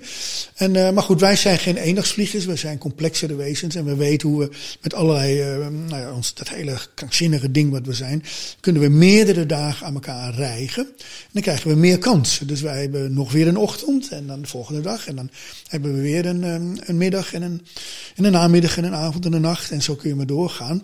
Dat kun je bij bomen heel goed zien. Die doen dat bijvoorbeeld in een jaarritme. En dan hebben ze de winter. Kun je vergelijken met de Dan nacht. Dan hebben ze de lente, kun je Ja. vergelijken met de ochtend. Dan hebben ze de zomer, kun je vergelijken met de middag. Dan hebben ze de nazomer, kun je vergelijken met de namiddag. En dan hebben ze de avond, kun je vergelijken met de herfst. Snap je? En als mens kun je ook wel zo kijken. Want eh, ja, ja, jongetje is nou net geboren, weet je wel. Die is dan in zijn jeugd. En dan wordt hij, vroeger dan gaat hij de lente in. En dan komt hij in zijn kracht. En dan komt hij in zijn nadagen. En dan wordt het een heel oud mannetje straks. En dan verdwijnt hij weer. En als je dan niet in rekenatie gelooft, was dat het. Als je wel in rekenatie gelooft, dan komt hij weer tevoorschijn in via de winter. Dan was je even weg. En dan komt hij in een nieuwe lente weer tevoorschijn. Komt een nieuw leven. Dus nou ja, je kunt, alles is cyclus. En, en die cycli gaat via die vijf fases.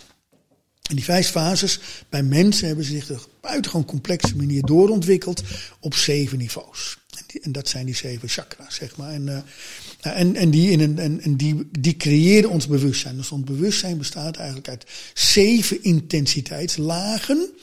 eh, die dus overal uit die vijf bestaan. Dus op zeven niveaus is die interactie steeds in de gang. Nou, als het meer elementen magachtig maakt, hè, dan kun je het water en hout en vuur en, en aarde en metaal noemen. Hè, en dan, dat kun je ook wel een beetje terugvinden in je lijf, bij de nier en de lever. En bij de longen, bij het hart en bij de milt, vijf vitale organen. En dan zie je eigenlijk dat die dingen in plaats van harmonisch ook disharmonisch kunnen worden. Als jij bijvoorbeeld verkeerde beslissingen neemt, van, eh, ja, wat is nou een voorbeeld van een verkeerde beslissing? Je hebt vier ba- balen hooi op zolder liggen. Vier balen, dus je hebt een heel klein beetje hooi op zolder liggen. En dan koop je aan het eind van de sopen koop je twintig koeien. Succes. Ja, dat is, dat is een gebrek aan weldenkendheid, snap je? Dus dan, dan heb je niet in de gaten hoe de cyclus werkt. Je kunt veel beter, zegt van nou, ik moet of hooi inkopen. Hoeveel geld heb ik nog over? Nou, dat is genoeg voor 12 koeien. Heb je een hooizolder en 12 koeien, kunnen die koeien de winter doorkomen, kun je kalfjes maken en dan kun je groeien.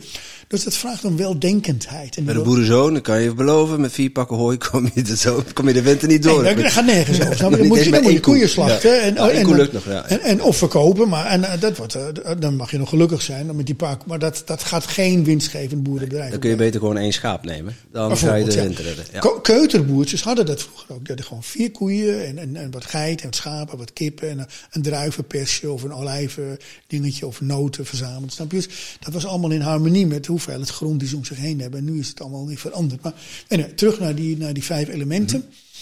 Die vijf elementen die hebben met, eh, eigenlijk met twee dingen te maken. Eh, met ruimtelijk inzicht en met kleurbewustzijn. Dat, dat, zo begint het. Ruimtelijk inzicht, dat betekent eigenlijk waar ben ik? En het waar ben ik betekent eigenlijk, nou ik sta nu op een boomtak en ik wil naar die boomtak.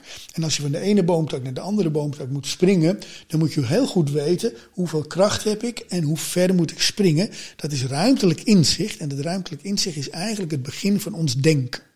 Ruimtelijk inzicht is niks anders dan rekenen. En denken is niks anders dan rekenen. Maar er komt nog iets bij om als aap veilig door de bomen te slingeren. Want je moet ook nog kijken naar de kleuren. Want als je een, als je een kleur van een twijgje ziet, dus licht groen houtachtig, dat weet je, dat is flexibel. Als je dat beetpakt, dan ga je vallen. Maar als je het blijft vasthouden, kan het je zwiepend naar de volgende tak brengen. Maar je kunt ook kijken, oh, dat is een soort donkere, bruine kracht. Maar met, daar kan ik op staan. Maar je kunt ook naar lichtbruine kleuren kijken. Zie je, wacht even, dat is broshout. Als ik daarop ga staan, breek ik af en val ik op de grond. Waar een wolf op mij zit te wachten. Ja? Dus, eh, dus we zijn de hele tijd bezig eigenlijk met ruimtelijk inzicht en met kleurbewustzijn.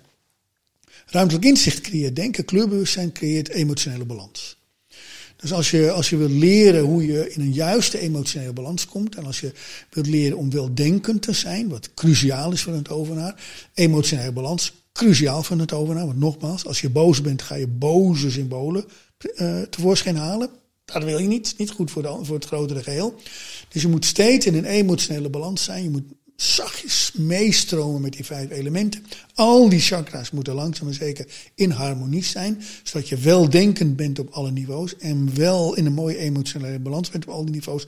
En dan ben je een emotionele weldenkende machine en dan kun je die spirituele wereld in en zachtjes spirituele symbolen gaan manifesteren. Dus daarom is het ook zo'n zware training om tovenaar te worden. Je moet niet van, je moet, je moet echt gewoon super kalm en super georganiseerd zijn. Als je ook maar een beetje uit balans bent, ga je de verkeerde symbolen ophalen, ga je chaos creëren.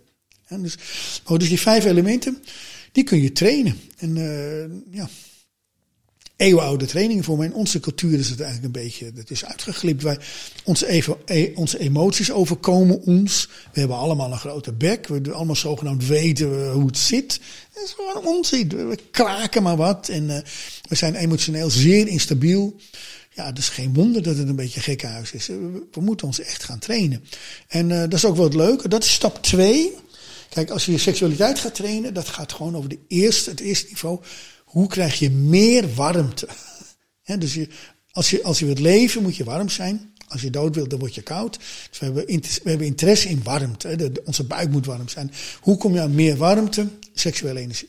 Zo ben jij gemaakt, zo is je zoontje gemaakt. Zo kun jij je buik warm krijgen, zo maak ik mijn buik warm. Dus meer, maar de volgende stap, als je goed warm bent, op een gegeven moment krijg je meer energie die je nodig hebt om op en neer te lopen naar de supermarkt en terug. He, dus het, het, leven kun je aan, hou je over.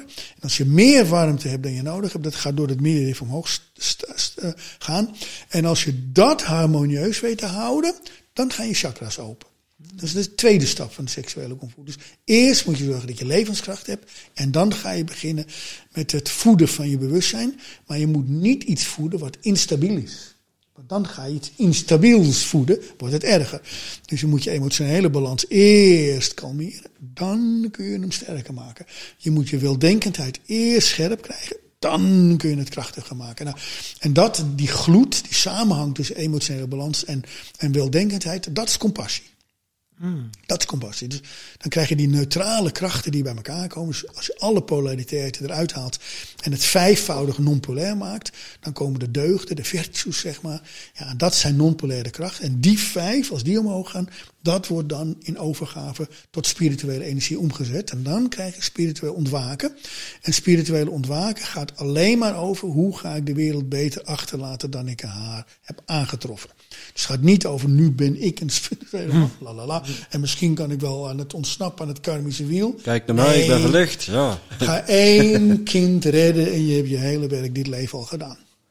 Ja. Snap je? Het is eigenlijk veel simpeler allemaal. Snap je? Dus je vraagt heel simpel, maar het zijn echt wel grote dingen. En um, je kan misschien nu ook wel snappen dat ik dus van mijn vijftiende tot nu, dat ik gewoon, ja, ik ben hier fulltime mee bezig geweest. Waar andere mannen een volledige carrière hadden in, in, in, een bedrijf of in een, heb ik dus gewoon niks anders gedaan dan dit uitpuzzelen en zoveel mogelijk eigen maken. Dat is ook zo een mooi. De waarheid. Hoe weet je dat iets waar is? Hoe ga jij aftoetsen of iets waar is? Want waarheid is iets heel persoonlijk en iets subjectief. Iedereen ziet de wereld door andere ogen.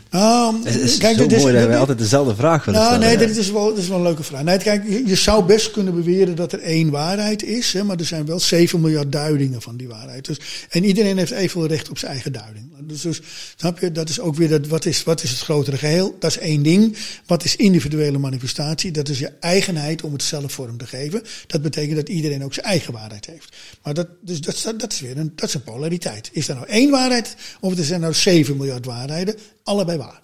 Hm. Maar dan moet je wel goed onderscheiden waar wat zit. Want, uh, want anders raak je in de war. Want de een zegt nee, er is maar één waarheid. Hm. En jij zegt, nou, maar ik heb mijn waarheid. Oké, okay, zegt ze, uh, op de brandstapel weg ermee. Dus de mensen die in één waarheid geloven, dat zijn de inquisitie. Dat is de inquisitie. En de mensen die in 7 miljard waarheden geloven, die zitten in de chaos. Dus, dus het gaat om het verdragen van het spanningsveld. Hoe kan nou iets enerzijds waar zijn? En hoe kan het enerzijds nou zo dat we allemaal onze eigen waarheid hebben? Dat betekent dat als mijn waarheid waar is, dan zijn er 7 miljard mensen min 1, dat ben ik dan, onwaar. Dat is logisch. Waar is waar. Dus als ik de waarheid verkondig heb, dat is onwaar. Maar als jij zegt, ja maar wacht eens even, die waarheid van jou is mijn waarheid niet. Zeg ik, nou, dan moeten we of ruzie maken, of we moeten gaan begrijpen, oh, we hebben allebei recht op iets van waarheid. Maar die kleine waarheid is niet hetzelfde als de grote waarheid. De grote waarheid is overigens zo abstract dat je het niet eens over hoeft te hebben. Want hij moet zo abstract zijn dat alle kleine waarheden erin passen. Ja, want je kunt zo bijvoorbeeld zeggen als er hier, Ja, in het mooi midden, is dat, ja. als er hier in het midden een beeld zou staan. Hè, en jij kijkt, dat beeld is zwart. En ik zeg, nee, dat beeld is wit. Het kan allebei waar zijn dat jij het zwart ziet en ik zie Exact, het witte. ja, exact. Dus dat En- hebben we allebei en, en, gelijk. als, en als jij dan, als we dan met zachte ogen hier naar kijken, zeggen we, oh, interessant. En vertel mij eens hoe het wit uitziet en vertel eens hoe het zwart eruit ziet. Eigenlijk wat we net met leeg en vol hebben. Ja, ja. Hebben ze even weg, maar we hadden het even over leeg en vol. En, eh, maar goed, dan, dan kun je, oh wacht even, ik snap jouw perspectief. Ik mij. Met andere woorden, allebei waar. Als het allebei waar is, op een van de vreemde manier kom je dan dichter bij de abstracte waarheid. Maar dat is niet de abstracte waarheid, maar het is een stapje naar de abstracte waarheid. Hè. Dus, dus daarom zijn het goede oefeningen natuurlijk om te doen.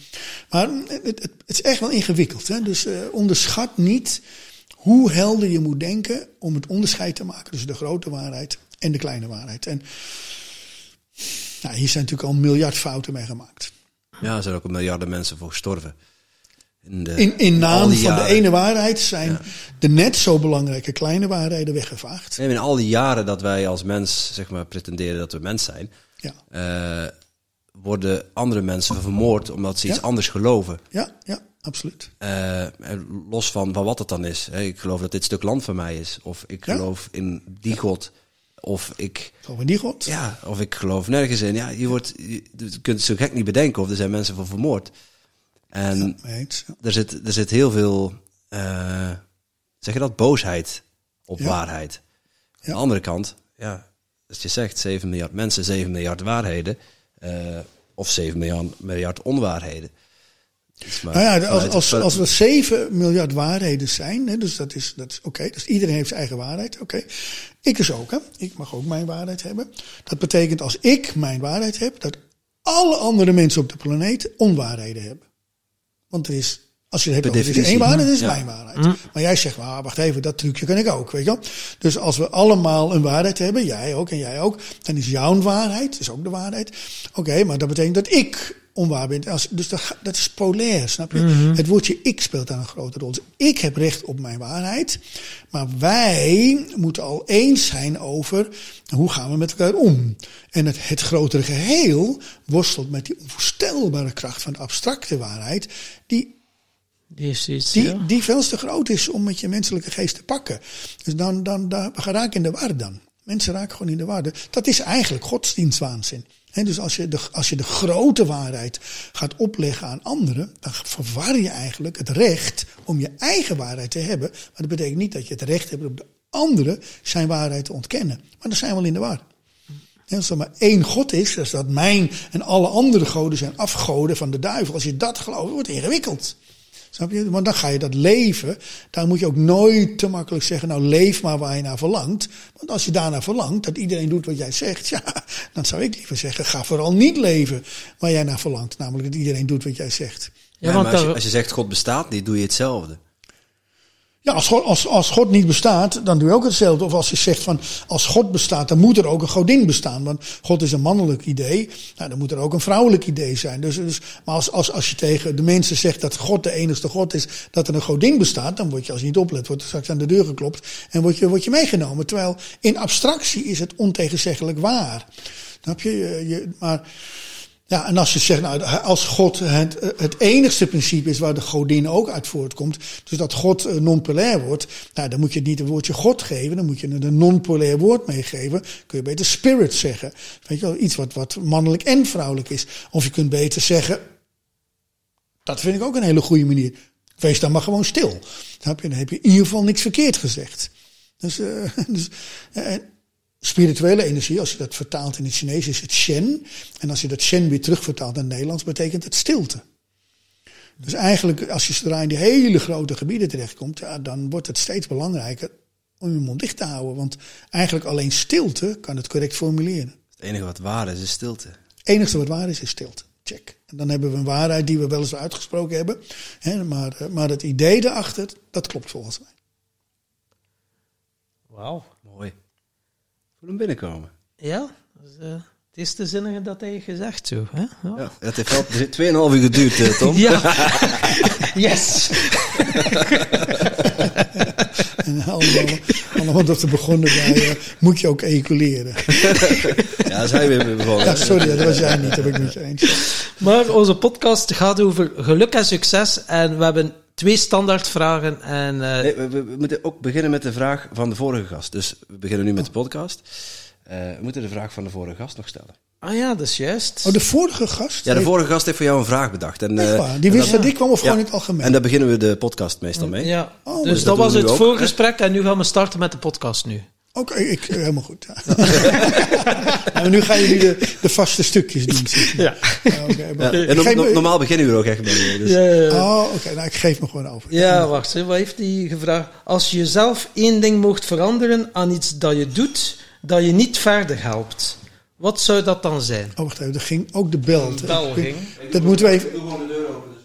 Oké, maar dat moeten we even opnieuw doen, want daar er staan al mensen voor de deur, denk ik. Ja, waarschijnlijk. eh. Oké, dus iemand heeft mij een vraag gesteld. ja, En- dus als je zelf één ding mocht veranderen aan iets dat je doet, dat je niet verder helpt of dat je blokkeert, wat zou dat dan zijn? Wauw, dat is echt een hele complexe vraag. Dus ik denk dat ik hem nog een keer moet horen voordat ik Ja. überhaupt eh, een antwoord kan geven. Hé, zo was het toch? Hè? Als je zelf één ding mocht veranderen Als aan, ik één ding mocht veranderen. aan iets dat je doet, dat je eigenlijk niet verder helpt. Is, er iets, is er iets in je leven wat jou niet meer dient en waar je graag afscheid van zou nemen? Wauw. dat is mooi. Ehm, best wel een lastige vraag, want ik ben natuurlijk al, eh, al, al meer dan 50 jaar bezig om, om precies dat proces vorm te geven.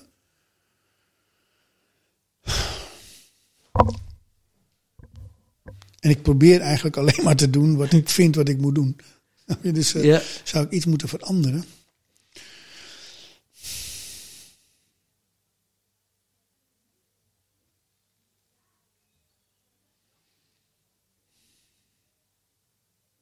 Tja. Kijk, als, als ik het antwoord op die vraag zou weten, dan zou ik dat, dat, zou ik dat ook doen. Dus dat is voor mij, het is een, een vraag die ik niet kan beantwoorden. Ik vind het wel een goede vraag en ik kan hem ook wel meenemen, maar eh, dat is eigenlijk een vraag die ik mijzelf continu stel en ook continu al beantwoord heb. Dus ik heb mezelf ongelooflijk veel, omdat er steeds stukjes in mij geboren worden. Er wordt steeds nieuwe Reinoud geboren. Dus ik, ik krijg meer dan voldoende gelegenheid om steeds nieuwe Reinoud vorm te geven. Ehm, er, er wordt steeds in mij nieuwe onschuld geboren. En die probeer ik steeds opnieuw te ontvangen zo goed als ik kan. Net zo goed jij je zoontje zo goed mogelijk ontvangt. Dus je bent steeds bezig met hoe kan ik een goede vader zijn. En dat betekent dat je steeds bijleert en je gedrag aanpast. En zo min mogelijk aan beschadigend gedrag vasthoudt. En daar ben ik best tevreden over. Ik, ik ben veel minder beschadigend voor mezelf en anderen dan ik toen ik 15 of, of 18 of 20 was. Ik ben een veel veiligere man geworden. En dat wil ik zeker niet veranderen. Ehm, nou, eh, wat ik dan antwoord is, ehm, ehm, dan zou ik mezelf nog iets meer willen openstellen over wat ik dan zou kunnen verbeteren aan mijzelf. Dus, dus dat ik dat proces dus nog meer kan verbeteren. Optimaliseren. Ja, dus datgene wat me, wat me eventueel nog tegenhoudt om het te optimaliseren, dat zou ik dan los willen laten. En ik denk dat het wel, dan kom ik als ik eerlijk ben, wel een beetje uit bij een stukje controle. Dus ik geloof dat ik mijn, mijn behoefte aan controle of zoeken naar veiligheid, dat ik dat echt wel voldoende heb, eh, heb gedaan in mijn leven en dat ik nog iets meer in de overgave kan. Ik denk dat dat wel zou. Dat ik, ik zou dus iets meer in de overgave gaan nog. Maar dat, maar, dat- maar dat zeg ik niet als inspiratiebron aan jullie. Eh, dat was pas na vele jaren mezelf veilig trainen en weldenkend en emotioneel balans trainen. Dat ik dat nu een beetje durf te zeggen. Maar 40 jaar geleden had je mij vooral niet moeten zeggen van word wat meer, ga wat meer in de overgave Reinhold. Want dan was ik gevaarlijker gebleven. En, dus ik ben, ik, het is geen algemeen advies. Ik, ik geef het nu alleen als advies aan mezelf. Ja, Oké. mooi. Ehm, ja, dan eh rest De ons- podcast gaat over geluk en succes. En wat is jouw definitie van geluk? Ja, geluk. eh to lock, hè, in het Engels. eh to lock, sluitend worden. Geluk is volgens mij eh, als je op pad gaat eh, en dat je weer thuis komt. Dus als je iets sluitend beleeft. Dus je hebt een bepaald verlangen, je gaat op zoek ernaar. En als je dat verlangen dan zeg maar voltooit en dan weer thuis brengt, dan sluit de cirkel zich. En het, het maken van sluitende bewegingen in je leven, dat creëert gelukservaringen. Dus geluk gaat echt over iets wat je begint afmaken. En het dus niet alleen vinden, maar ook nog weer thuis brengen. Wauw, Dat is echt geluk. dat is ja. een mooie. Mooie. En eh, succes, hoe zou jij succes definiëren? Nou, dat is ook weer een beetje gevaarlijk, hè? Want, want succes kun je natuurlijk zeggen van. eh, nou, ik weet wel, ik hoop dat ik later beroemd word en dan houden mama en papa van mij. Dat zie ik als een, eh, als een echt wel een infantiele valkuil. Dus heel veel mensen die streven naar, dat, dat ze nog steeds niet geloven dat mama en papa van hun houden. En als ze succes hebben, dan zal dat dan wel gebeuren. En op een gegeven moment zijn mama en papa al lang weg, want je bent volwassen of zijn mij betreft al lang dood. En ondertussen heb je dat geïnternaliseerd en zit je nog steeds maar je best te doen om succesvol te zijn, zodat mama en papa van je houden. Dus, dat, dus heel veel mensen lopen met een infantiel proces van verlangen naar succes rond. Dat is eigenlijk een nachtmerrie, het streven naar succes. Uh, ik denk dat je veel beter uh, kunt streven naar vol worden en uh, het wonder wat je bent ervaren. Maar, dan kom je weer zo'n paradox. Als je daar succesvol in bent, is het buitengewoon aangenaam. Dus ik denk dat, dat je vooral de mensen aanraad, probeer nou succesvol te zijn in jezelf voller en veiliger te maken. Ja. Dat is in ieder geval wat ik zelf probeer te doen. Ja. Mooi. Mooi. Dan rest ons nog uh, enkel. Jij mag nog een vraag bedenken voor de volgende gast. We weten nog niet wie dat is. Oké, okay, um, kan de volgende gast eerlijk vertellen of hij of zij een veilige man of een veilige vrouw is? Oké. Okay. Kun je, en, en kun je dat ja. zonder blik en blozen zeggen? Dus de, kun je, kun je iets, kun je, kun je, durf je met droge ogen te beweren dat jij een veilige man of een veilige vrouw bent? En uh, dan ben ik wel eens benieuwd wat dat antwoord zal zijn. En uh, kan ik ook beloven dat ik er naar zal luisteren. En uh, als je nou hebt over hè, hoe kun je nou weten of iets waar is of niet waar is. Maar ik heb echt wel een soort vorm van helder weten ontwikkeld. En daar kan ik dan echt wel dwars doorheen prikken als dat onzin is. Ik ben heel benieuwd naar het antwoord. We gaan ook vragen naar een uitleg, uh, of het een ja of een nee is. Oh, uh, naar een korte uitleg. Ja, dat begrijp ik. Heel leuk. Ja. Jij kan dat sowieso al voelen, maar uh, ja. ja, iemand zijn eigen beeld hoeft niet te stroken met wat hij zegt. Nee, in tegendeel, ja. ja. Eerder niet dan wel. heel mooi. mooi. Ja, als, ja, ik moet nog iets zeggen. Oh, ja, stop. Onze, onze luisteraars houden enorm van cadeautjes. Heeft Reinoud, Reinoud een cadeautje voor onze luisteraars in petto?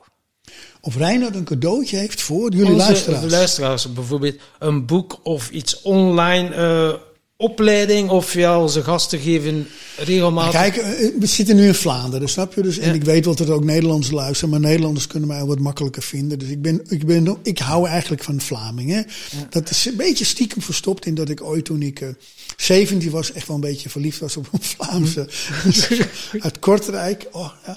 Dus, dus ik, dat, dat, en, en ik vond dat natuurlijk hartstikke leuk en spannend. En, en, en, ze praten ook Vlaams. Alles was mooi in haar. Dus sindsdien hou ik eigenlijk van. als, ik, als ik Vlaams hoor, dan denk ik eigenlijk meteen aan haar. Eventjes. En, maar anyway.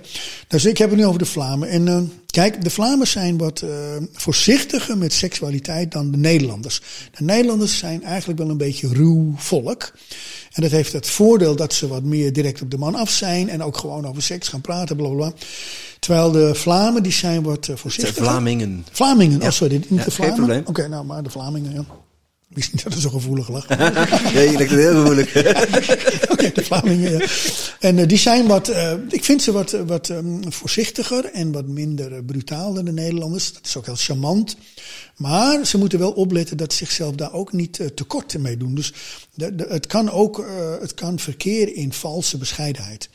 Dus ik vind ook dat, dat jullie echt moeten gaan staan voor, voor jullie cultuur. Dat is een, het is een mooie cultuur, het is een fijne cultuur. En de Nederlanders kunnen daar veel van leren. Maar goed, dat, dat is een cadeautje wat ik nog even zo meegeef. Ja. Maar je, ik vind ook dat Vlaams, Vlaamse mannen en vrouwen moeten gaan trainen. Dus als je jezelf te klein houdt, als jullie niet seksueel gaan trainen en de Nederlanders wel, dan bestaat België straks niet meer. Hè? dus, dan zijn straks allemaal getrainde mannen en vrouwen in Nederland. En die Vlamen komen erachteraan tutten. Dat zijn jullie te laat. Dus, dus ga nou gewoon naar verlei-orgasme.nl. Maar, maar het, ik moet misschien ook nog eens een .be maken. En ga nou eens jezelf informeren en kijken of je gewoon die cursus uh, kunt gaan doen. En... Uh, nou, ik zou hem jullie eigenlijk ook wel van harte willen aanbieden. Letterlijk als cadeau. Ik ben eigenlijk wel benieuwd als jullie, het gebeurt als jullie gaan trainen. Ja, dankjewel. Maar uh, het is, als je zelf nou als Vlaamse uh, Vlam, Vlameling een cadeau wil geven, ga dan je seksualiteit trainen. We zitten op een bom van energie. En het is helemaal niet nodig om in burn-out en in tekort rond te lopen. Zou het bijvoorbeeld zo zijn, mochten ze een kortingscode bijvoorbeeld Tim Tom intikken, dan ze bijvoorbeeld een kortingscode Ja, dat is geniaal. Je bent, dus dat, dat, dat, dat, dat kan. Dus wij kunnen, we, we kunnen jullie natuurlijk een code geven, dat mensen die via uh, Tim Tom uh, podcast gaan, dan korting krijgen, whatever, of speciaal voor een bepaalde periode voor jullie fans. Dat kan natuurlijk. Natuurlijk. En dan geeft iedereen de kans om ermee te gaan. En, en voor de duidelijkheid, er zijn ook leuke Vlaamse, oh nee, Vlaam. Vlaamse, dat zeg Oh, wel Vlaamse. wel sorry. Er zijn hele leuke Vla- Vlaamse vrouwen al, eh, die ook in opleiding zijn. Of ook verleicoach zijn, zoals het heet. Die al met, dus ook, ook hier, het is echt aan het gebeuren. Er komen ook een paar hele leuke Vlaamse mannen aan. Eh Vlamelingen, die getraind zijn. Die, dus het is, ook in, het is ook hier aan het gebeuren. En ik, ik vind het alleen een beetje. Ik, ik heb een beetje spijt, of ik vind het verdrietig. Ik kan geen Frans. En, en dat, dus dat de Waalse mannen en vrouwen dit niet nog kunnen, dat vind ik eh, verdrietig. Maar ik kan het op dit moment nog niet oplossen. Nee. Want het is echt wel, echt wel een beetje Ah, een maar must. we zijn eh, heel blij dat we ook ons steentje gaan kunnen bijdragen eh, om eh, ja, Vlaanderen eh, aan die seksuele... Technieken te helpen. Technieken, ja, ja. En eh, op een betamelijke en, en veilige manier. Ja. En eh, echt, wel- echt wel best wat te leren. En eh, dan ben ik heel benieuwd wat er gaat gebeuren met, met ons volk en met onze cultuur. We schrijven hier een blog van en onder de blog zullen we te zetten, je moet Ja. het dan maar doorsturen naar ons, wat dat dan precies... eh, de Daar moeten we, dan moeten we even achter de schermen. ja, ik heb ja. mensen om me heen. Ik ben niet zo Ik heb Ja. niet veel verstand van computers. Maar Ja. jullie dan krijg je dan een code. En met die code krijg je een korting bij de Dat gaan we regelen met jouw team. eh. Ja. Ja, dat regelen we. Ja, Super fijn. Hey, dankjewel, eh Reinhard. Het was echt eh, interessant. Eh, ik hoop dat de luisteraars er ook heel veel aan gehad hebben. Ah nee, en nog één vraagje. Hoe Ja, het is wel ze... leuk dat jij het interessant vindt. Ja, maar- Ja. ja, ik vond het, ik vond het, ja, daar gaat de podcast toch om. eh.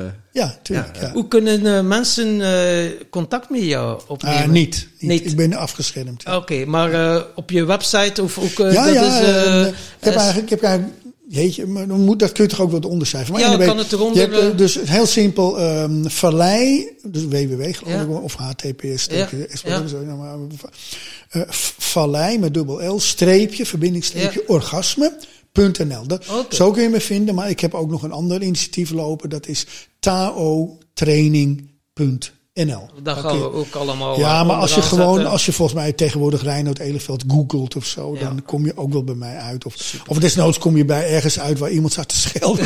Reinoud is een boef, je.